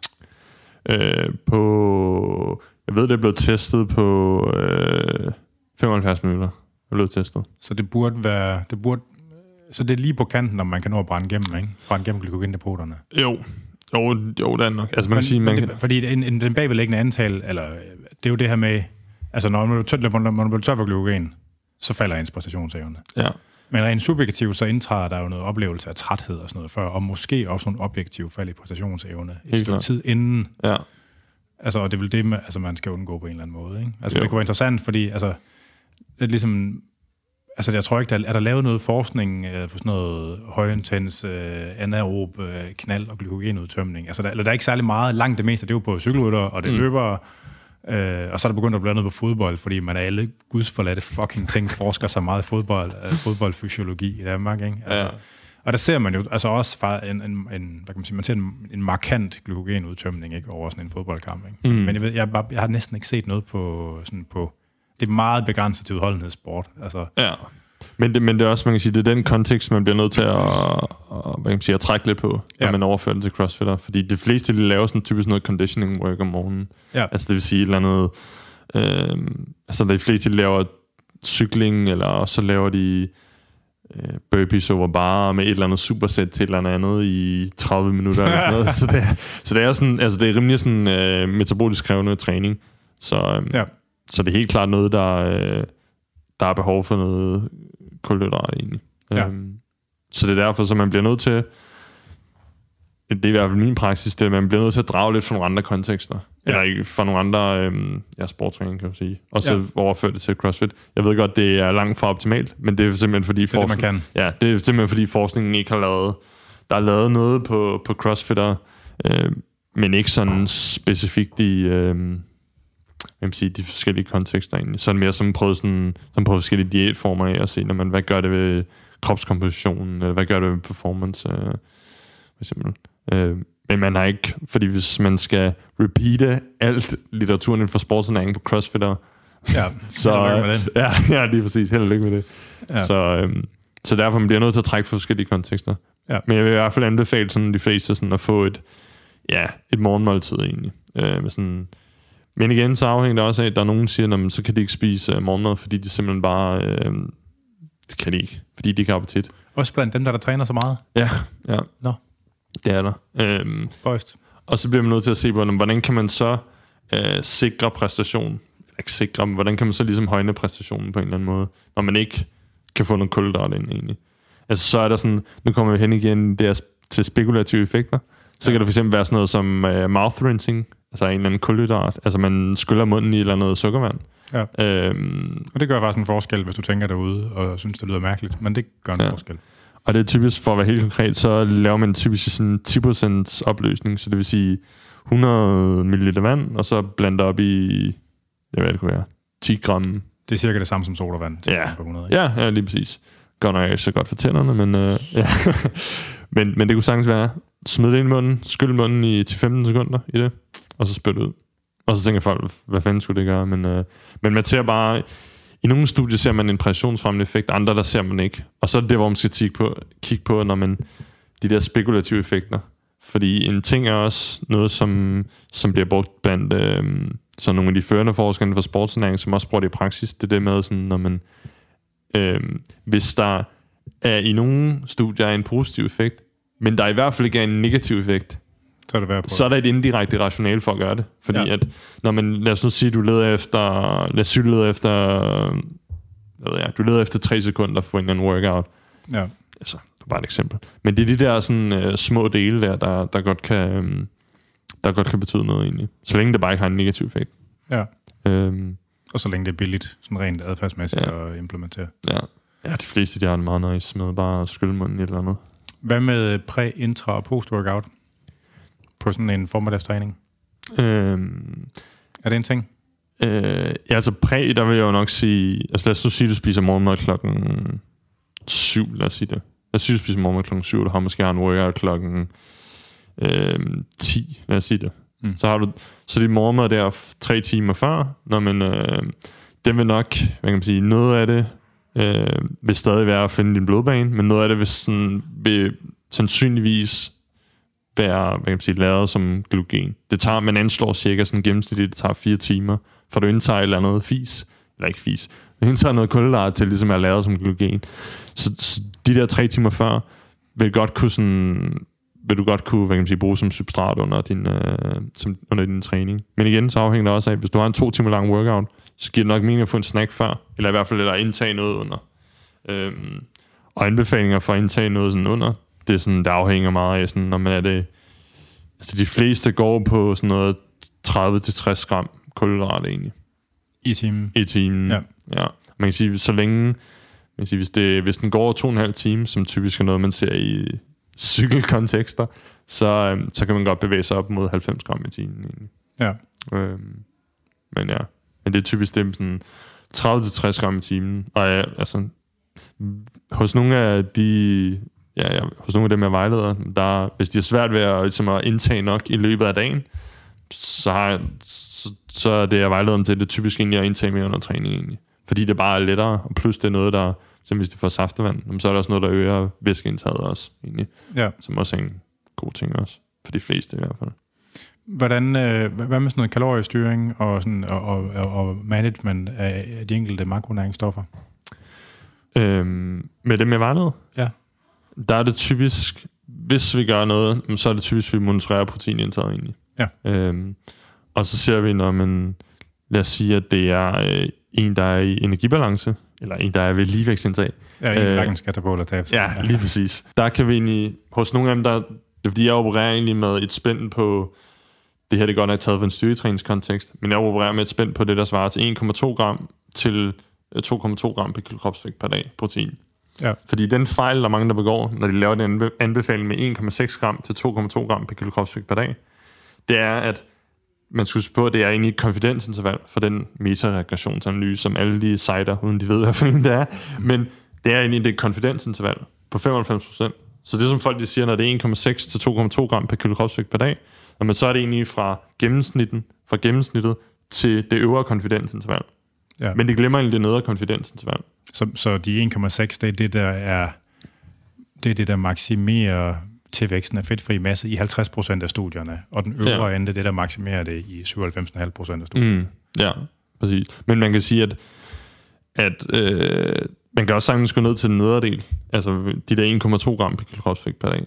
Fordi ja. man skal huske på, at det er et konfidensinterval. Så det vil sige, at konfidensintervallet betegner egentlig, at, at der er en 95% sandsynlighed for, at den sande værdi er inden for det her interval. Ja. Så den sande værdi kunne i princippet sagtens være 1,2 gram per kilo kropsvægt. Ja. I princippet, den er lige så sandsynlig som de der 2,2 gram per kilo kropsvægt. Men det er ikke så det er faktisk et ikke, ikke så optimeringsagtigt synspunkt. Jo, fordi det er nemlig her, hvor vi kommer ind, at man skal huske på energi, at det ligesom er noget, der bliver bredt på alle typer af næringsstoffer. Ja. Så i princippet så, øh, eller man kan sige, at 1,2 gram per kilo kropsvægt per dag, altså er nok er noget, som er altid anbefales for lige ikke overskud, egentlig. Ja, fordi ja. så kan man få lidt mere kulhydrat, og det er den effekt, som øget kulhydratindtag er, det er, at det sænker vores behov for protein egentlig. At det bliver svært, at det bliver, og det bliver svært at spise nok, måske også, hvis man spiser meget protein. Ja. Altså, der bliver, det ja. synes jeg, jeg har oplevet nogle gange, at hvis folk de ligger på et højt proteinindtag, så bliver det svært, hvis man skal æde rigtig meget. Ja, ja lige præcis. Så, øhm, men ja, men det er typisk det, så monitorerer vi øh, protein, og så følger vi egentlig bare vægten egentlig. Fordi okay. vægten er, man siger, det er jo en, jeg sige, det er en, det er en prognose for øh, forholdet mellem energiindtag og energiforbrug egentlig. Ja, ja. Så det er sådan lidt, når behøves vi at monitorere alle, altså behøves vi at monitorere hele vores, øh, alle vores energiindtag hver dag? Nej, vi kan måske bare veje os, ja. jeg ved ikke, to, en til tre gange om ugen, og så bare se, hvordan vægten ligesom bevæger sig. Ja. Hvad så, hvis der er en, der skal tage på, eller tabe sig? Altså, altså hvordan, hvordan blander du det så i folks adfærd? Hvis en, der skal bolde op, for eksempel. Altså, der gerne vil være lidt tungere til næste sæson. Altså, ja. hvordan, hvordan blander du dig i atleters adfærd for at få dem derhen? Jamen, så er typisk det, vi, vi følger egentlig bare vægten, og så ser vi, det som jeg typisk anbefaler, det er, når man lidt højere proteinindtag, lidt mere frugt grønt egentlig, og så øhm, jeg vil sige, måske nogle enkelte udskiftninger af fødevarer. For en, der skal tabe sig eller tage på nu? For en, der skal tabe sig. Ja. Undskyld. Ja. ja. ja. folk ja. For en, der skal tabe sig. Så det er mæthed, altså sådan noget, altså mæthedsknald egentlig? Eller? Ja, lige præcis. Og ja. så egentlig det, som, så parer vi det typisk med øh, sådan en klassisk øh, sult- og mæthedsskala egentlig. Det er den, der er typisk lavet, der hedder sådan noget minus, den er faktisk lånt for Sundhedsstyrelsen, sådan, der hedder minus 5 til plus 5. Okay. I forhold til, øh, i forhold til sult og mæthed. Og så arbejder vi egentlig bare med, når man, prøver vi selvfølgelig også at kombinere det med højt proteinindtag, men så, øhm, ja, så anbefaler jeg dem typisk, når man efter et måltid, og prøve at give dem lidt uddannelse i kost også, men efter et måltid vil det typisk være sådan noget plus 1 plus 2, vi, er, vi sådan sigter efter et hovedmåltid egentlig. Og så, så 5, det er altså grænserne til at kaste op med, og, eller hvad? Ja, plus 5, det er sådan, øh, ja, lige præcis sådan, det eksploderer-agtigt. Og minus 5, det er gluben, der sulten dør lige om lidt, slår folk ned med krydderboller ja, netto. Fordi... Jeg tror faktisk, at minus 4, den har de sagt sådan uh, hangry. Jeg tror faktisk, den hedder altså sådan nice. beskrivelsen. Ja. Nej, det har jeg aldrig set, øh, det der øh. system. Det, er, det, kan, det kan jeg godt lide. Det er, det er lækkert. Ja, øhm, ja så, så det er typisk en, det vi kombinerer med os. Ja. Og så man kan sige, så, så har jeg nogle gange også... Øhm, fordi der er, der er måske noget, der egentlig tyder på, at når man, hvis folk for eksempel drikker et glas vand, før de skal spise, egentlig, så tager, taber de sig i vægt i sådan en kort tidsstudie egentlig. Ja. Så det er, måske, altså det er også sådan en intervention, jeg har prøvet i nogle gange, som hos nogen har en effekt, andre har det jo ikke en effekt egentlig. Ja, det er ligesom øh, det der med portionsstørrelser, som også er sådan en... Ja, ja. men så igen, sådan, nu gennemgik jeg faktisk det i forhold til portionsstørrelser, eller, nej, portionsstørrelser, undskyld, jeg tænker på tallerkenstørrelser. Ja. Det er sådan, det viser sig ikke sådan at have en effekt egentlig. Det, det med tallerkenstørrelser i forhold til energiindtag i hvert fald. Okay. Det er noget, der er nævneværdigt i hvert fald. Mm. Øhm, men ja, men det er typisk egentlig, så det er meget sådan, øhm, altså selvfølgelig så, hver uge så spørger jeg ind til sådan, eller faktisk hver tredje fjerde dag, spørger jeg ind til sådan min, ja, mine klienter, sådan, hvordan er din træningsperformance for eksempel. Og hvis jeg sådan rapporterer, når man laver motivation, eller det føles som det plejer, så er det eller hvis det føles som det plejer, god ting. Men hvis, sådan, hvis de mærker, at træningsmotivationen begynder at blive lavere og sådan nogle ting, øhm, altså så er det enten sådan, enten så bliver man nødt til at acceptere det lidt, at det kan også være en, en ting. Altså det der med sådan, om, hvis du er ikke kalorieunderskud, har været det i lang tid, fordi der, der afhænger også lidt af længden på kalorieunderskud. Egentlig, fordi hvis du har været i kalorieunderskud i 16 uger, så kan du sandsynligvis nok ikke forvente, at du kommer til at springe ud af sengen hver dag. Altså, det kan man sandsynligvis nok ikke. Eller være sådan øh, super hype, egentlig. Nej. Øhm, så øhm, Med mindre man får kokain. det har sgu aldrig tænkt over. Epic, epic weight loss drug. Jeg hørte det populært på Amager, når folk de skal tabe sig. Ej, men, men, men typisk så er det i sådan tab, så det er sådan, man kan sige, klassiske vægttabsinterventioner. Ja. Øhm, vil man sige. Eller er det typisk? Hvad er din holdning til antal måltider? Øhm, den følger egentlig sådan, det er meget videnskabeligt det her, men den følger sådan ISSN's, eller International Society of Sports Nutritions øh, anbefaling i forhold til øh, protein egentlig, som, er, som lyder til hver tredje, fjerde time, det vil man gerne have en anden proteinfodring. Ja. Så det er typisk, ja, altså det er typisk det, jeg følger, sådan, altså man, normalt så de fleste af mine klienter, de har sådan, når man morgen, øh, morgen, middag aften egentlig. Og så det som øh, sådan, de fleste, der der anbefaler man typisk det der med at få et eller andet protein sådan hver 3-4 time egentlig. Ja. Sådan, øhm, og så nogle gange hos nogen, jamen, så er det sådan, om det føles naturligt at spise et måltid. Altså imellem deres for eksempel morgenmad og, og frokost, og få Ja. et helt almindeligt måltid. Øhm, så siger jeg fint. Men hvis det er at få en shake eller en proteinbar eller noget, så er det også fint egentlig. Så det er meget sådan, jeg lægger meget selv op til mine sådan, klienter sådan, selv ligesom styre deres hverdag, fordi det er, ja, det er dem, der spiser deres egen mad. Ja. Det gør jeg ikke. Øhm, så jeg gør meget op sådan i autonomi. Hvad, hvad med, øh, hvis du siger den anden workout på dagen, det er sådan en, der er mere, den er tungere eller mere intens. Altså, er der, ja. Ja. hvad, vil du, er der noget, man tænker, man skal gøre anderledes på sådan noget pre- og intra- og post-workout der? Pre-workout, så vil jeg altid øh, sige øh, Jack 3D. Altså. Nu skal du passe på. Nej, men øh, jeg vil altid anbefale sådan, i hvert fald at få en eller anden snack. Sådan, øh, altså, man kan sige, den samme guideline gælder egentlig som for... Altså, guideline lyder sådan 2-4 timer før træning, få et eller andet sådan lidt større måltid, og så san- sandsynligvis, hvis det er 4 timer før, når man så får en eller anden snack de der 60-90 minutter før. Rigtigt. Ja. Fordi så sikrer vi os, når man, hvis det er 4 timer før, så er det kulhydrat, det er lagret som sandsynligvis lagret sig som glykogen, det vil sige, at vi har ligesom fået fyldt noget op, og de der 60-90 minutter før, så sikrer vi os i hvert fald, at der er en, en masse substrat også tilgængelige sådan i blodbanen også. Øhm, Ja. man kan sige, hvis det er så sådan en ekstremt udtømmende træning, eller meget sådan tung øh, udtømmende træning, Ja. så er det vigtigt i hvert fald, at der er substrat til stede, fordi så ved vi, når man, det er i hvert fald ikke en af de ting, der kommer til at medføre træthed, for eksempel. Ja. Øhm, og som, altså, hvis, hvis man ikke er så fan af at få sådan noget før træning, jamen så ja, koffein eller mouth rinsing, eller hvad sådan, skyld munden i øh, kulhydrat opløsning. Ja. Øhm, så ja, så Ja. det er typisk det. Er, er du tilhænger af at bruge koffein fast, hvis man har det? Er okay med det? Øh, ja, det er faktisk. Okay. Fordi det man ser, det er, når man folks træningstolerance, den stiger bare. Altså, de bliver mere, de kan, de kan tåle mere træningsvolumen, egentlig. Øhm, ja, men så igen, så er det også her, hvor kontekst kommer lidt ind. Fordi hvis du er, fordi det man også har fundet af, når man, man kan sige, fordelen ved koffein, det er, når man, man øger ligesom træningstolerancen, altså man kan tåle mere træningsvolumen. Men ulempen ak- akut. Ja, akut. Men ulempen er også, at du kan ja, tåle mere træningsvolumen. Så det vil sige, hvis du er i en periode, hvor du måske... Øh, hvor du skal inducere, øh, hvor du ikke skal inducere rigtig meget træthed, men du har for eksempel sådan noget AMRAP eller et eller andet, hvor du ligesom bare kan fyre den af. Når man så... Man så betaler lige så meget, når træningen er slut, som hvis man... ja, ja. altså, ja, men så, så man kan sige, så ulempen er det der med, hvis du tager koffein før, så kan du inducere rigtig meget træthed, men det er måske ikke sådan formålet med den træning, eller at inducere rigtig, rigtig, rigtig meget træthed egentlig. Så det handler også om, sådan, om hvis man har en, træ, en træning, hvor du skal inducere rigtig meget træthed, altså, hvad kunne det være, et eller andet AMRAP eller et eller andet, øhm, så kan det give god mening. Men hvis det ikke er en træning, hvor du sådan skal, lad os sige, hvis det bare er styrketræning eller et eller andet, hvor du måske skal inducere sådan virkelig meget træthed, så giver det måske ikke så meget mening egentlig.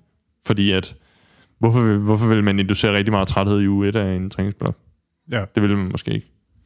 Nej, der er, jo, Ja. der er jo mange former for træthed også. Altså, Ja. Men altså, en af, de, en af de ting, jeg virkelig savner i litteraturen, det er jo at det her med, at altså, øh, altså brugen af stimulanser som koffein, ikke? De, Mm. kan, de kan gøre, at man kan lave ja, mere træning Ja. i en træning. Mm. Så er der hele det der tolerance-issues, som er sådan, det er lidt svært at blive klog på, hvad fanden Ja. der er op og ned, ikke? Ja. Øh, om man bliver tolerant eller ej, om det har noget at gøre med, om man drikker kaffe til daglig eller ej, eller monster, eller hvad fanden det nu er. Altså, Ja. Det, det bliver man måske, det er ikke til at vide. Mm. Men der er jo ikke nogen, der har undersøgt, og altså mig bekendt i hvert fald, nu må du rette mig, hvis jeg tager fejl, altså longitudinelt, hvis du havde øh, 20 mennesker, der lavede, havde en træningsforløb med koffein fast, som gjorde, at de kunne lave lidt mere træning, formodentlig lave, I don't know, 3, 5, 10 procent mere træning i alt over træningsforløbet, Mm. og sammenligne det med nogen, der ikke havde det, og så se, om det rent faktisk gjorde en forskel på deres træningstilpasninger over tid. Det er der mig bekendt ikke nogen, der har undersøgt endnu, men nogen Nej. form for stimulanser, Nej, det vil man gerne have svaret på. det vil man. Helt 100%. Ja, fordi der er jo også noget, der tyder på, ligesom at graden af subjektiv udmattelse Den, er, er, en af prædiktorerne for træningsudbyttet. Ikke? Så, hvis Ja. man, så hvis man mindsker den subjektive... Altså, eller hvad kan man sige? Hvis man, hvis man, træner, så, hvis man arbejder til udmattelse i en træning, mm. så, den, så graden af subjektiv udmattelse er jo den samme. Man får bare objektivt set lavet lidt mere med koffein. Ikke? Men hvis den subjektive udmattelse måske er en prædiktor for træningstilpasninger, ikke? Altså sådan, Ja. det er jo del af det der hormese-argument om, at, at det er graden ligesom af ballade, man får lavet, ikke? altså Mm. i ens muskuloskeletale metaboliske system, der ligesom udløser en tilpasning. Ikke? ja. Øh, men hvis, hvis, der så, hvis man laver mindre ballade, fordi at metabolismen er ænd- ændret på grund af koffein, altså gør det så, at man i virkeligheden kun får det samme træningsudbytte? Altså sådan, der er jo ikke nogen, der ved det. Og Nej. det, det, er jo, det er jo, det, altså, Ja. fuck man, det vil jeg gerne vide, det der. Så bare melde sig ind igen. Cool. Ja, man ja. Sige, det der med sportsernæring, det har aldrig været sådan, øh, det har ikke været sådan noget, man har prioriteret vildt højt på. KU, desværre. Der skal det helst handle om gymnastik eller fodbold eller sådan noget. Vægttabs, vægttabsregime, eller hvad det Ja. kan ja. Altså, du har heller aldrig set sådan noget, vel? Altså, Hvilket? nogen, der har undersøgt om det med brugen af stimulanser og, og eventuelt større arbejdsoutput over tid, og det Ikke over tid. altså, Ikke over tid. Men man, man, man har undersøgt, ja, i forhold til akut. ja. Altså, Og der er det jo ekstremt vel, altså ekstremt vel dokumenteret, Ja. at det er præstationsfremmende. ja. Og man kan sige sådan... Ja, og det, det du egentlig sådan snakker ind i, det ja, den der problematik med, når man akutte effekter fører nødvendigvis ikke til long-term effects. Det er det, der er sådan, ja, Ja. ja, problemet, kan man sige. Men det var Ja. spøjst, fordi at, ligesom, at alle de andre ting, man forsker i, Mm. Altså, så vil, vil, altså, og den interesse, der i øvrigt er for sportsernæring, sådan, hvad kan man sige, når man kigger, der er jo nogle steder i Danmark, man bruger flere ressourcer på det. Altså, Australian Institute of Sports laver jo en masse vildt fede Ja. ting. Altså, det gør de. øhm, ja. Ja. Jeg er ved at få en podcast i nettet i øvrigt om, øh, de er i gang med at lave sådan noget på øh, sådan return to training for gravide. Ja, Hvordan det hænger sammen, hvordan det påvirker præstationsevne og sådan noget med en af dem dernede fra. ja. Så det blev... Nå, undskyld, det var en øh, afstikker. øh, der var et andet spørgsmål før, som... Øh... Nå jo, det der med timing. Du siger, nu, du siger, at måltiden 3-4 timer før. Mm. Altså, det, det er jo det der ligesom med, at når man at når man har spist et måltid, så laver man insulin, så længe at der kommer blod ud af tarmen, som skal gemmes væk, og så på et eller andet tidspunkt, så skifter man over til glukagon, fordi at så Mm. frisætter man øh, glukose fra ens kulhydratlager i kroppen i stedet for. Ja, Hvis, hvis man venter 3-4 timer efter et måltid, så risikerer man, at den der switch, den sker, mens man er i gang med sin træning. øh, Eller hvad? Altså, det nej. er, eller hvad? Eller sådan, jeg vil tænke, at man måske skulle have det lidt tættere på, trods alt. Altså, at ens træning skulle lidt træner tættere på det store måltid. Øh, nej, fordi så har du den, øh, altså man kan sige, hvis du, hvis du følger, hvis du gør det to timer før, så er det ikke nødvendigt med den snack, jeg snakker om, den er en time til okay, en på den før. Men man kan sige, det for at forhindre det.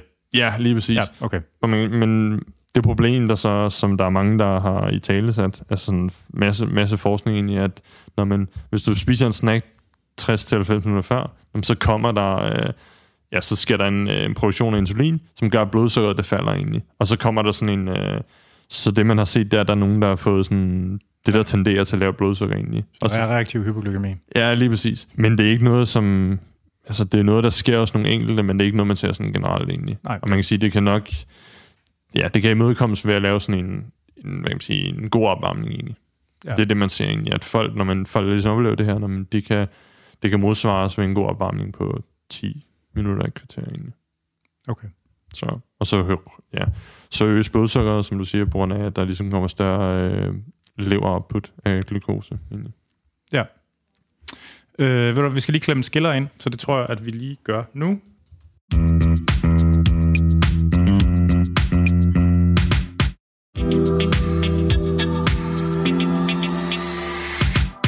Så er vi tilbage igen. Så skal vi øh, snakke lidt om sådan øh, ting på selve dagen. Hvis man skal til en CrossFit-konkurrence. Hvad, hvad for nogle akutfase forberedelser? Altså, det, det starter måske allerede nogle dage før i virkeligheden. Mm, yeah, yeah. Måske. Altså, afhængig af... Ja. Ja. Altså, det, du tænker på carbloading, eller? eller? Nå, men det, det, jeg, eller, ja, hvad ved jeg? Aha. Altså, det, det, jeg sagde bare, det, det kunne godt være, der var et eller Ja. andet. Det er jo ikke til at vide. Altså, folk har jo forskellige øh, Ja. ting. Altså, Ja, men altså, det er ikke noget, jeg anbefaler med for eksempel carbloading før eller noget, fordi ja, det, det er det bare ikke. Nej. Ja, fordi at, forstyrrelser, eller sådan i, i, i systemet, eller... ja, blandt andet også det, altså man kan sige, de fleste, jeg er ikke så, jeg er ikke så meget fortaler for at gøre et eller andet, sådan, man ikke kender effekten af. Altså det vil sige, Nej. du, man, kender, man ved ikke, hvad der sker. Lad os sige, du carbloader 48 timer før. Du vil ikke vide, om hele dit system det klokkede til, eller... Dårlig mave, eller... Ja, eller sådan, man vil ikke, man vil ikke ane det egentlig. Nej. Øhm, så derfor så er det ikke noget, som jeg, jeg vil anbefale nogen egentlig. Men Hvis vi havde den perfekte zombie-robot-atlet igen, og man havde mulighed for at lave trial run inden... mm. Altså, Ja. man tester det af, om, at- om det, altså vi test, man tester en carbloading-protokol af ja, på forhånd, og, ligesom, og det kører. Vil du så anbefale det, hvis du vidste ligesom, at det var noget, der var... ja, men er afhængig af sådan... Lad os sige, det var CrossFit Games. Lad os sige Ja. for eksempel det. Øhm, så vil jeg... Øh, så vil jeg... Nej, jeg vil ikke engang anbefale det. Altså, Nej. det vil jeg ikke. Fordi man kan sige, at nogle af, nogle af eventsen til CrossFit Games, de er ikke så glykogenudtømmende. Altså, Nej. det er det ikke. Nej. Kontra hvad man kan egentlig kan... Fordi i princippet, så kan du godt, hvis, hvis du har en atlet, der har et meget trænet mave-tarmsystem, så kan du godt fyre 90 gram, øh, 90 gram øh, kulhydrat ind i timen. Så man kan holde dem dækken, dækket simpelthen ved, ved løbende øh, genopfyldning. Ja, sagtens. Ja. Det kan du sagtens. Ja. Altså, øhm, selvfølgelig, hvis det er noget, du tager af for fordi du skal ikke bare, hvis, kan, hvis du kan lytte øh, overveje at lave sådan 90 gram i timen under sådan en øh, konkurrence. Altså, det er noget, man skal teste af for. Fordi Ja. for de fleste, der laver træning, så er, der, ja, så er der mindre blod i tarmsystemet, og hvis du smider sådan 90 gram ind i timen, Så er du blod i tarm- tarmene hele tiden. Ja, det har du. Altså, Ja. så, øh, så risikerer man bare at få det vanvittigt dårligt. Altså, det gør ja. man. Øhm, men man kan sagtens, fordi hvis du har en, en dag, der varer, lad os sige, den varer øh, 10 timer i CrossFit, inden at du står op til du ligesom er færdig, men så kan du i princippet øh, transportere 900 gram kulhydrat ind. I, That's a lot. det er vanvittigt meget. Ja. Altså, det er vildt meget. Øhm, ja.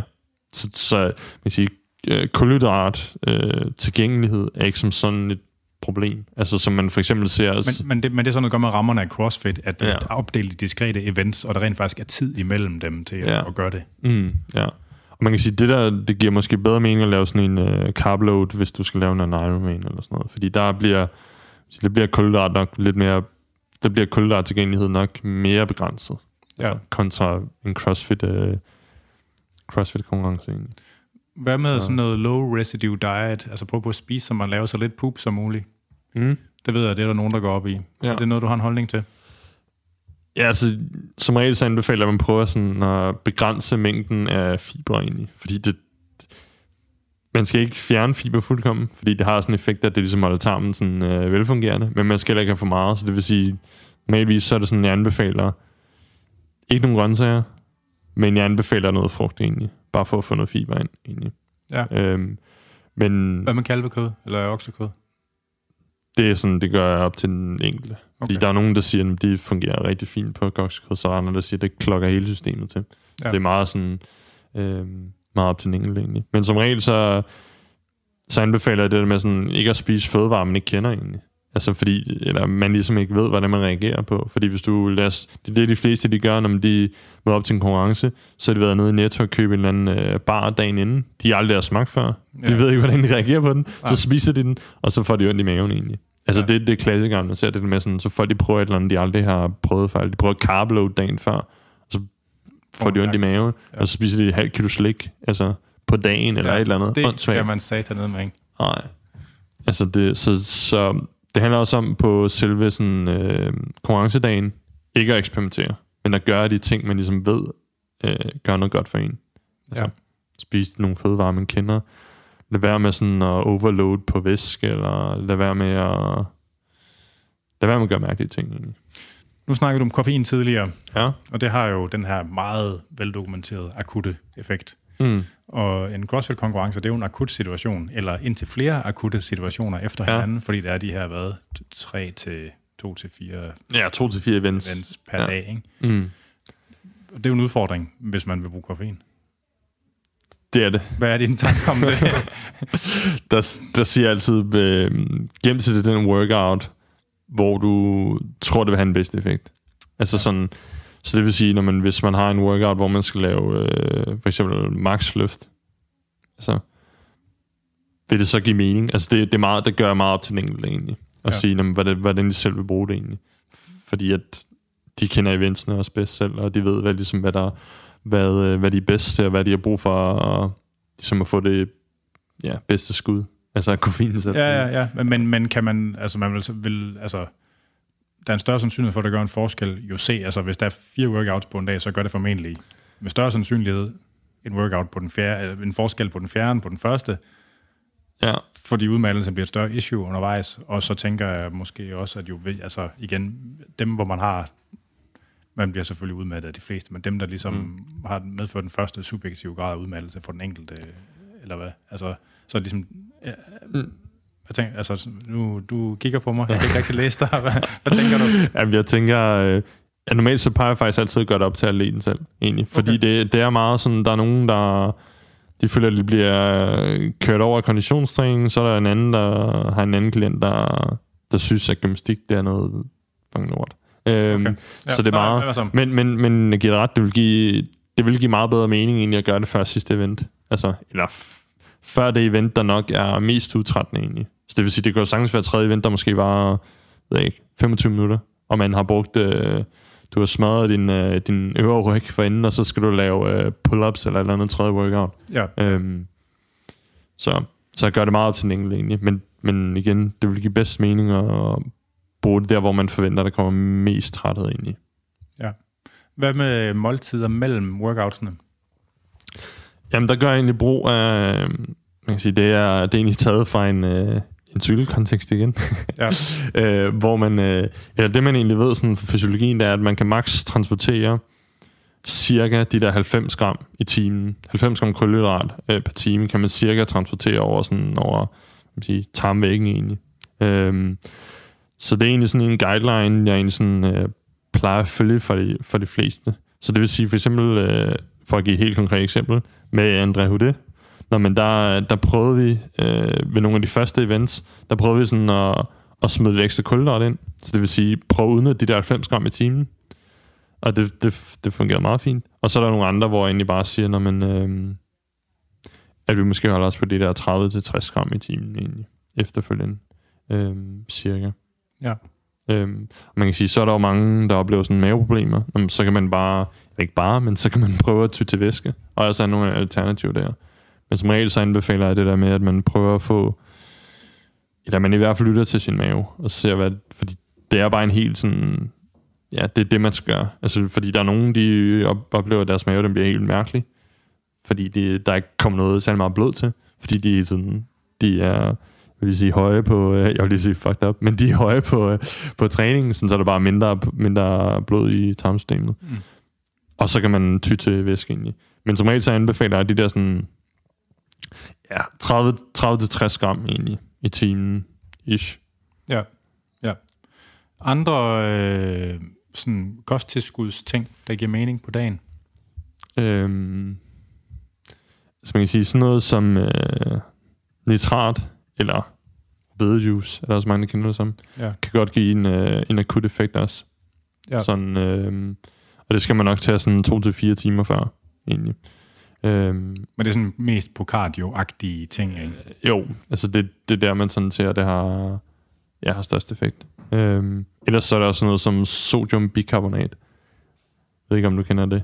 Det bliver populært, bliver også kaldt natron. Bagpulver. ja, bagpulver. Man får det... Jeg sige, hvis du går ned i Netto, så kan du købe det for 8 kroner, og så er der lige en præstationsfremmende booster, men sandsynligheden for, at du får det i maven, den er sådan rimelig stor. Altså, ja. den er ekstremt stor. Øhm, så, og man, Ja, man kan ikke rigtig skaffe det i Danmark, ved jeg. Nej. Hvem mindre man er Team Danmark øh, atlet, så kan man godt... Det er ret mærkeligt, at man ikke kan købe det som sportskosttilskud. Ja, det... Og jo, altså bagpulver, der er lavet til baning, der er jo også alle mulige andre ting i. Det, der er blandt andet sådan noget geleringsmiddel i. Ja. Og man skal, de mængder, man skal have af det, er jo sådan relativt store. Det er jo mange gram, man skal have. Det er 0,3 gram per kilo kropsvægt. Yes. Så, så hvis du vejer 100 kilo, så skal du ja, 30 gram skulle lige... Uh, ja, men altså, for eksempel, jeg har det her prøvet, ikke? og når man tager 30 gram af sådan noget bag bagepulver, ikke? eller natron, ja. og man forsøger at røre det op, det bliver sådan en underlig gelé-agtig substans, og det, her, ja. det er fucking klammer. Altså. Ja. ja, man får voldsomt ondt i maven. Altså, det er også bare voldsomt. ekstremt ulækkert at drikke, fordi ren bikarbonat, mm. altså det er jo bare hvidt pulver, sådan, men endda med en nogenlunde opløselighed. Altså, jeg, ja. jeg, jeg forstår ikke, hvorfor der ikke er lavet noget, der er smartere. Nej, det, ja. men jeg ved helt specifikt, fordi jeg har skrevet til Team Danmark mange gange, og jeg ved, de har et samarbejde med øh, Glostrup Apotek, hvor de får lavet sådan nogle Inteo-kapsler af dem. Så det vil sige, ja. det er en kapsel, der, der er fyldt med sodiumbikarbonat, men som først bliver opløst ned i tyndtarmen egentlig. Sådan så det laver mindre ballade egentlig. Okay. Det er meget smart. Huh. Men smart. det er ikke for os andre dødelige. Vi kan ikke uh, få det, desværre. Altså, men, men det er jo altså, det, det er ret fucked up, fordi det er jo rent faktisk en af de ting, hvor der sådan er ret... Altså, hvis man kan, hvis man der kan tåle det, så er der ret stærk evidens for, at det kan noget. Ja, altså på samtlige sådan, øh, hvad kan man sige, altså træningsmodaliteter, øh, altså det vil sige, ja, styrketræning, ja, udenhedstræning. Altså der er, der er stort set øh, sådan rigtig god effekt på alle træningsformer. Ja. Men det kan man ikke få, så øh, det, det er mest et kuriosum. Ja. Ja, hvad med nogle af de... Altså, der findes jo flere... Altså, så teorien er jo, at man laver nitrogenoxid, og det er en karudvidende gas, der kan øge gennemblødningen i arbejdende muskulatur. Yes. Øh, og den kan man øge på, altså med at have de her øh, nitratholdige ting. Ja. Men der har været tale om det her, nogle af de her aminosyre, citrulin og sådan noget, mm-hmm. som måske, måske ikke gør det samme. Ja. Øh, tænker du dem også ind der i den slags ting, eller er det øh, hokus pokus for dig? Mm, altså jeg tænker, man kan sige, det litteratur, jeg er bekendt med, der, der tyder det på, at citrullinmalat altså kun har en effekt i forhold til styrketræning egentlig. Så det, det er det, jeg typisk anbefaler øh, ja, atleter, der har en periode med mere styrketræning egentlig. Ja, ja. Det er typisk det, jeg anbefaler. Og det er ikke noget, som sådan, jeg, ja, jeg anbefaler på selve konkurrencedagen egentlig. Det er det ikke. Nej, så ikke noget andet... Øh... Nej, ikke som sådan en. Pulver. Nej, ikke pulver. Der var en ting, jeg så glemte fra før, faktisk, og det er jo sådan, ja. at hvad med, hvad med hvad kan man sige, kosttilskud i off-season-perioden? Jamen, der anbefaler jeg ja, koffein, beta-alanin, øh, kreatin, øh, er sådan den stack, som jeg altid anbefaler egentlig. Øh, og hvis man har en, man kan sige, hvis man har mere styrketræning, som der er nogle crossfitter, der, der har, og det er der nogen, der ikke har. Men hvis man har mere, så citrullinmalat anbefaler jeg også. Øhm, jeg er lige først faktisk nu begyndt at anbefale nitrat egentlig. Øhm, også. bedre juice simpelthen, eller? Ja, man kan faktisk få nogle pulver egentlig, der er meget billige faktisk. Øh, jeg tror, det er sådan 500 gram for... Men det er rødbede ekstraktpulver så, eller hvad? Øh, ja, det er faktisk en kombination af spinat, Øh, ja, nej, det er rigtigt. Ja, spinat er også. Ja. Og, ja, og bedre egentlig. Øh, men det er sådan lige begyndt at anbefale. Øh, og så sodium bikarbonat vil jeg anbefale. Ja, alle der også træner, men... Øh, ikke alle der træner, men crossfit-atleter. Øh, men ellers, ikke ud over det. Nej, nej. Og men det er jo også, øh, hvad kan man sige, det er jo relativt mellow i forhold til, hvad, der, hvad nogle af dem måske vil gøre på eget initiativ. Ja, det er helt klart. Altså man kan sige, der der findes rigtig mange, hvor der er sådan en dokumenteret effekt i studier med sådan noget seks personer. Men jeg mener ikke, man kan bruge sådan resultater fra, fra, fra studier med seks personer. Altså, det skal, der, skal, der skal flere mennesker til. Altså, der er flere studier, der skal ligesom, øh, hvad kan man sige, gendrive de resultater. Ja. Før ligesom vil proppe det ned i praksis.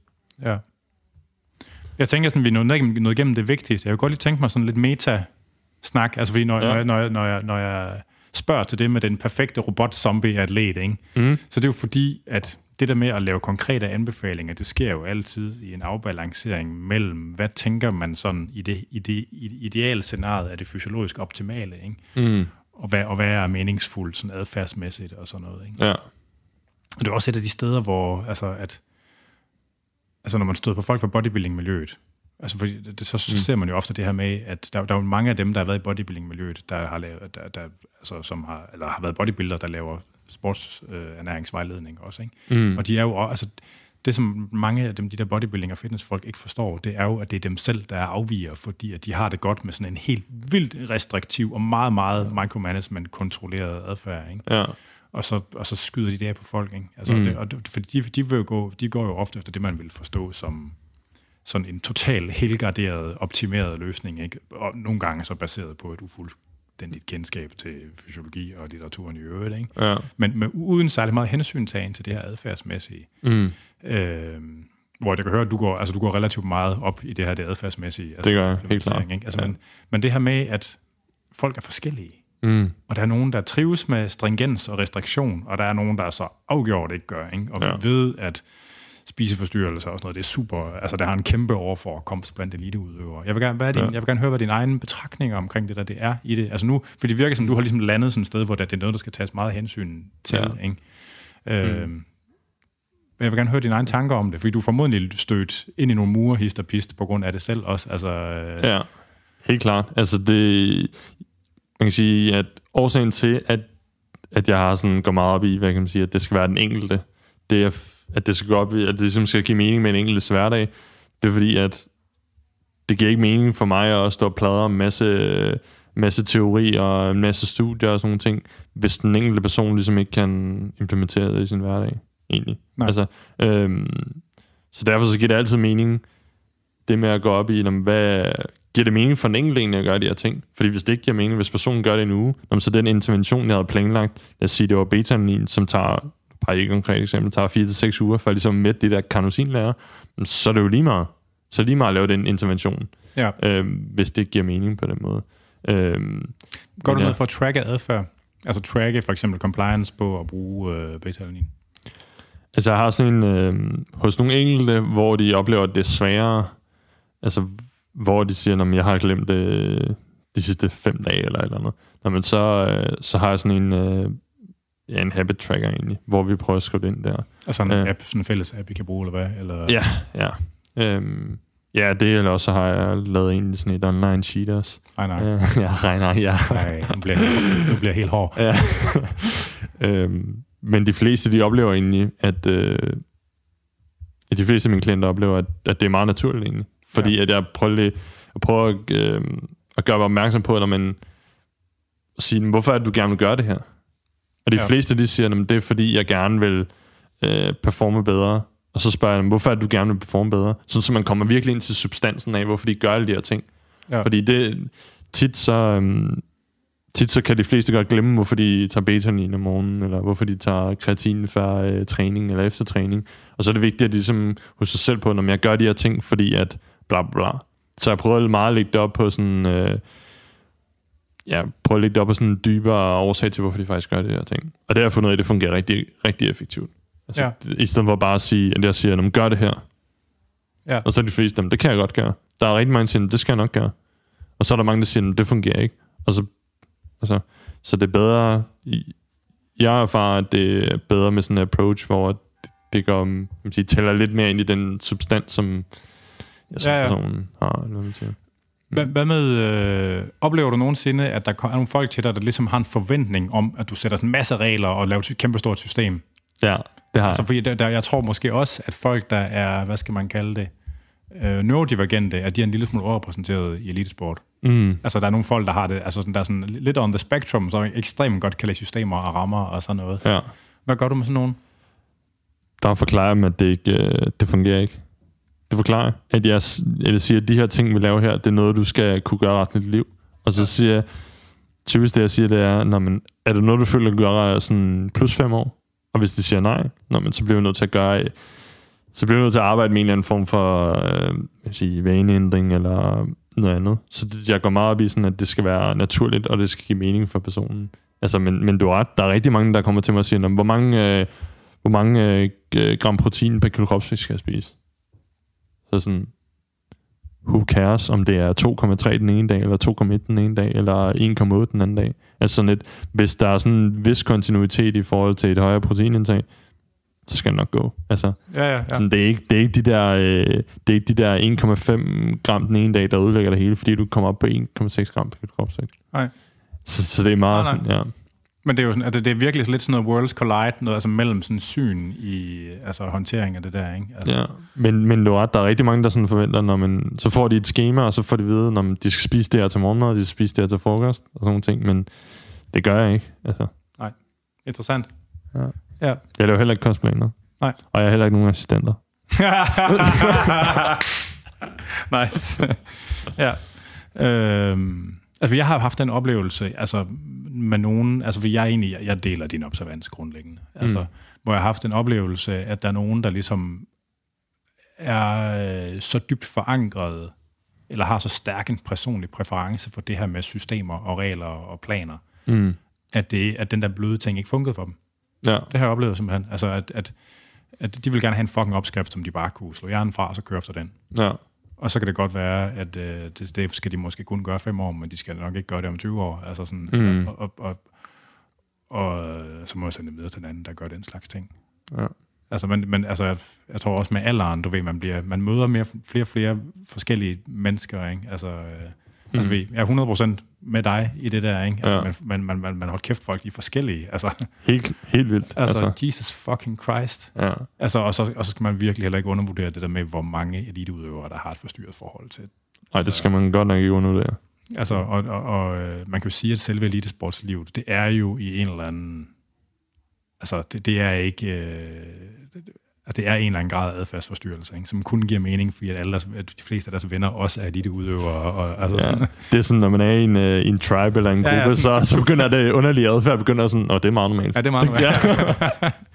altså, det skal man bare lige huske. Det skal man bare lige huske at have med sig, det der. ja.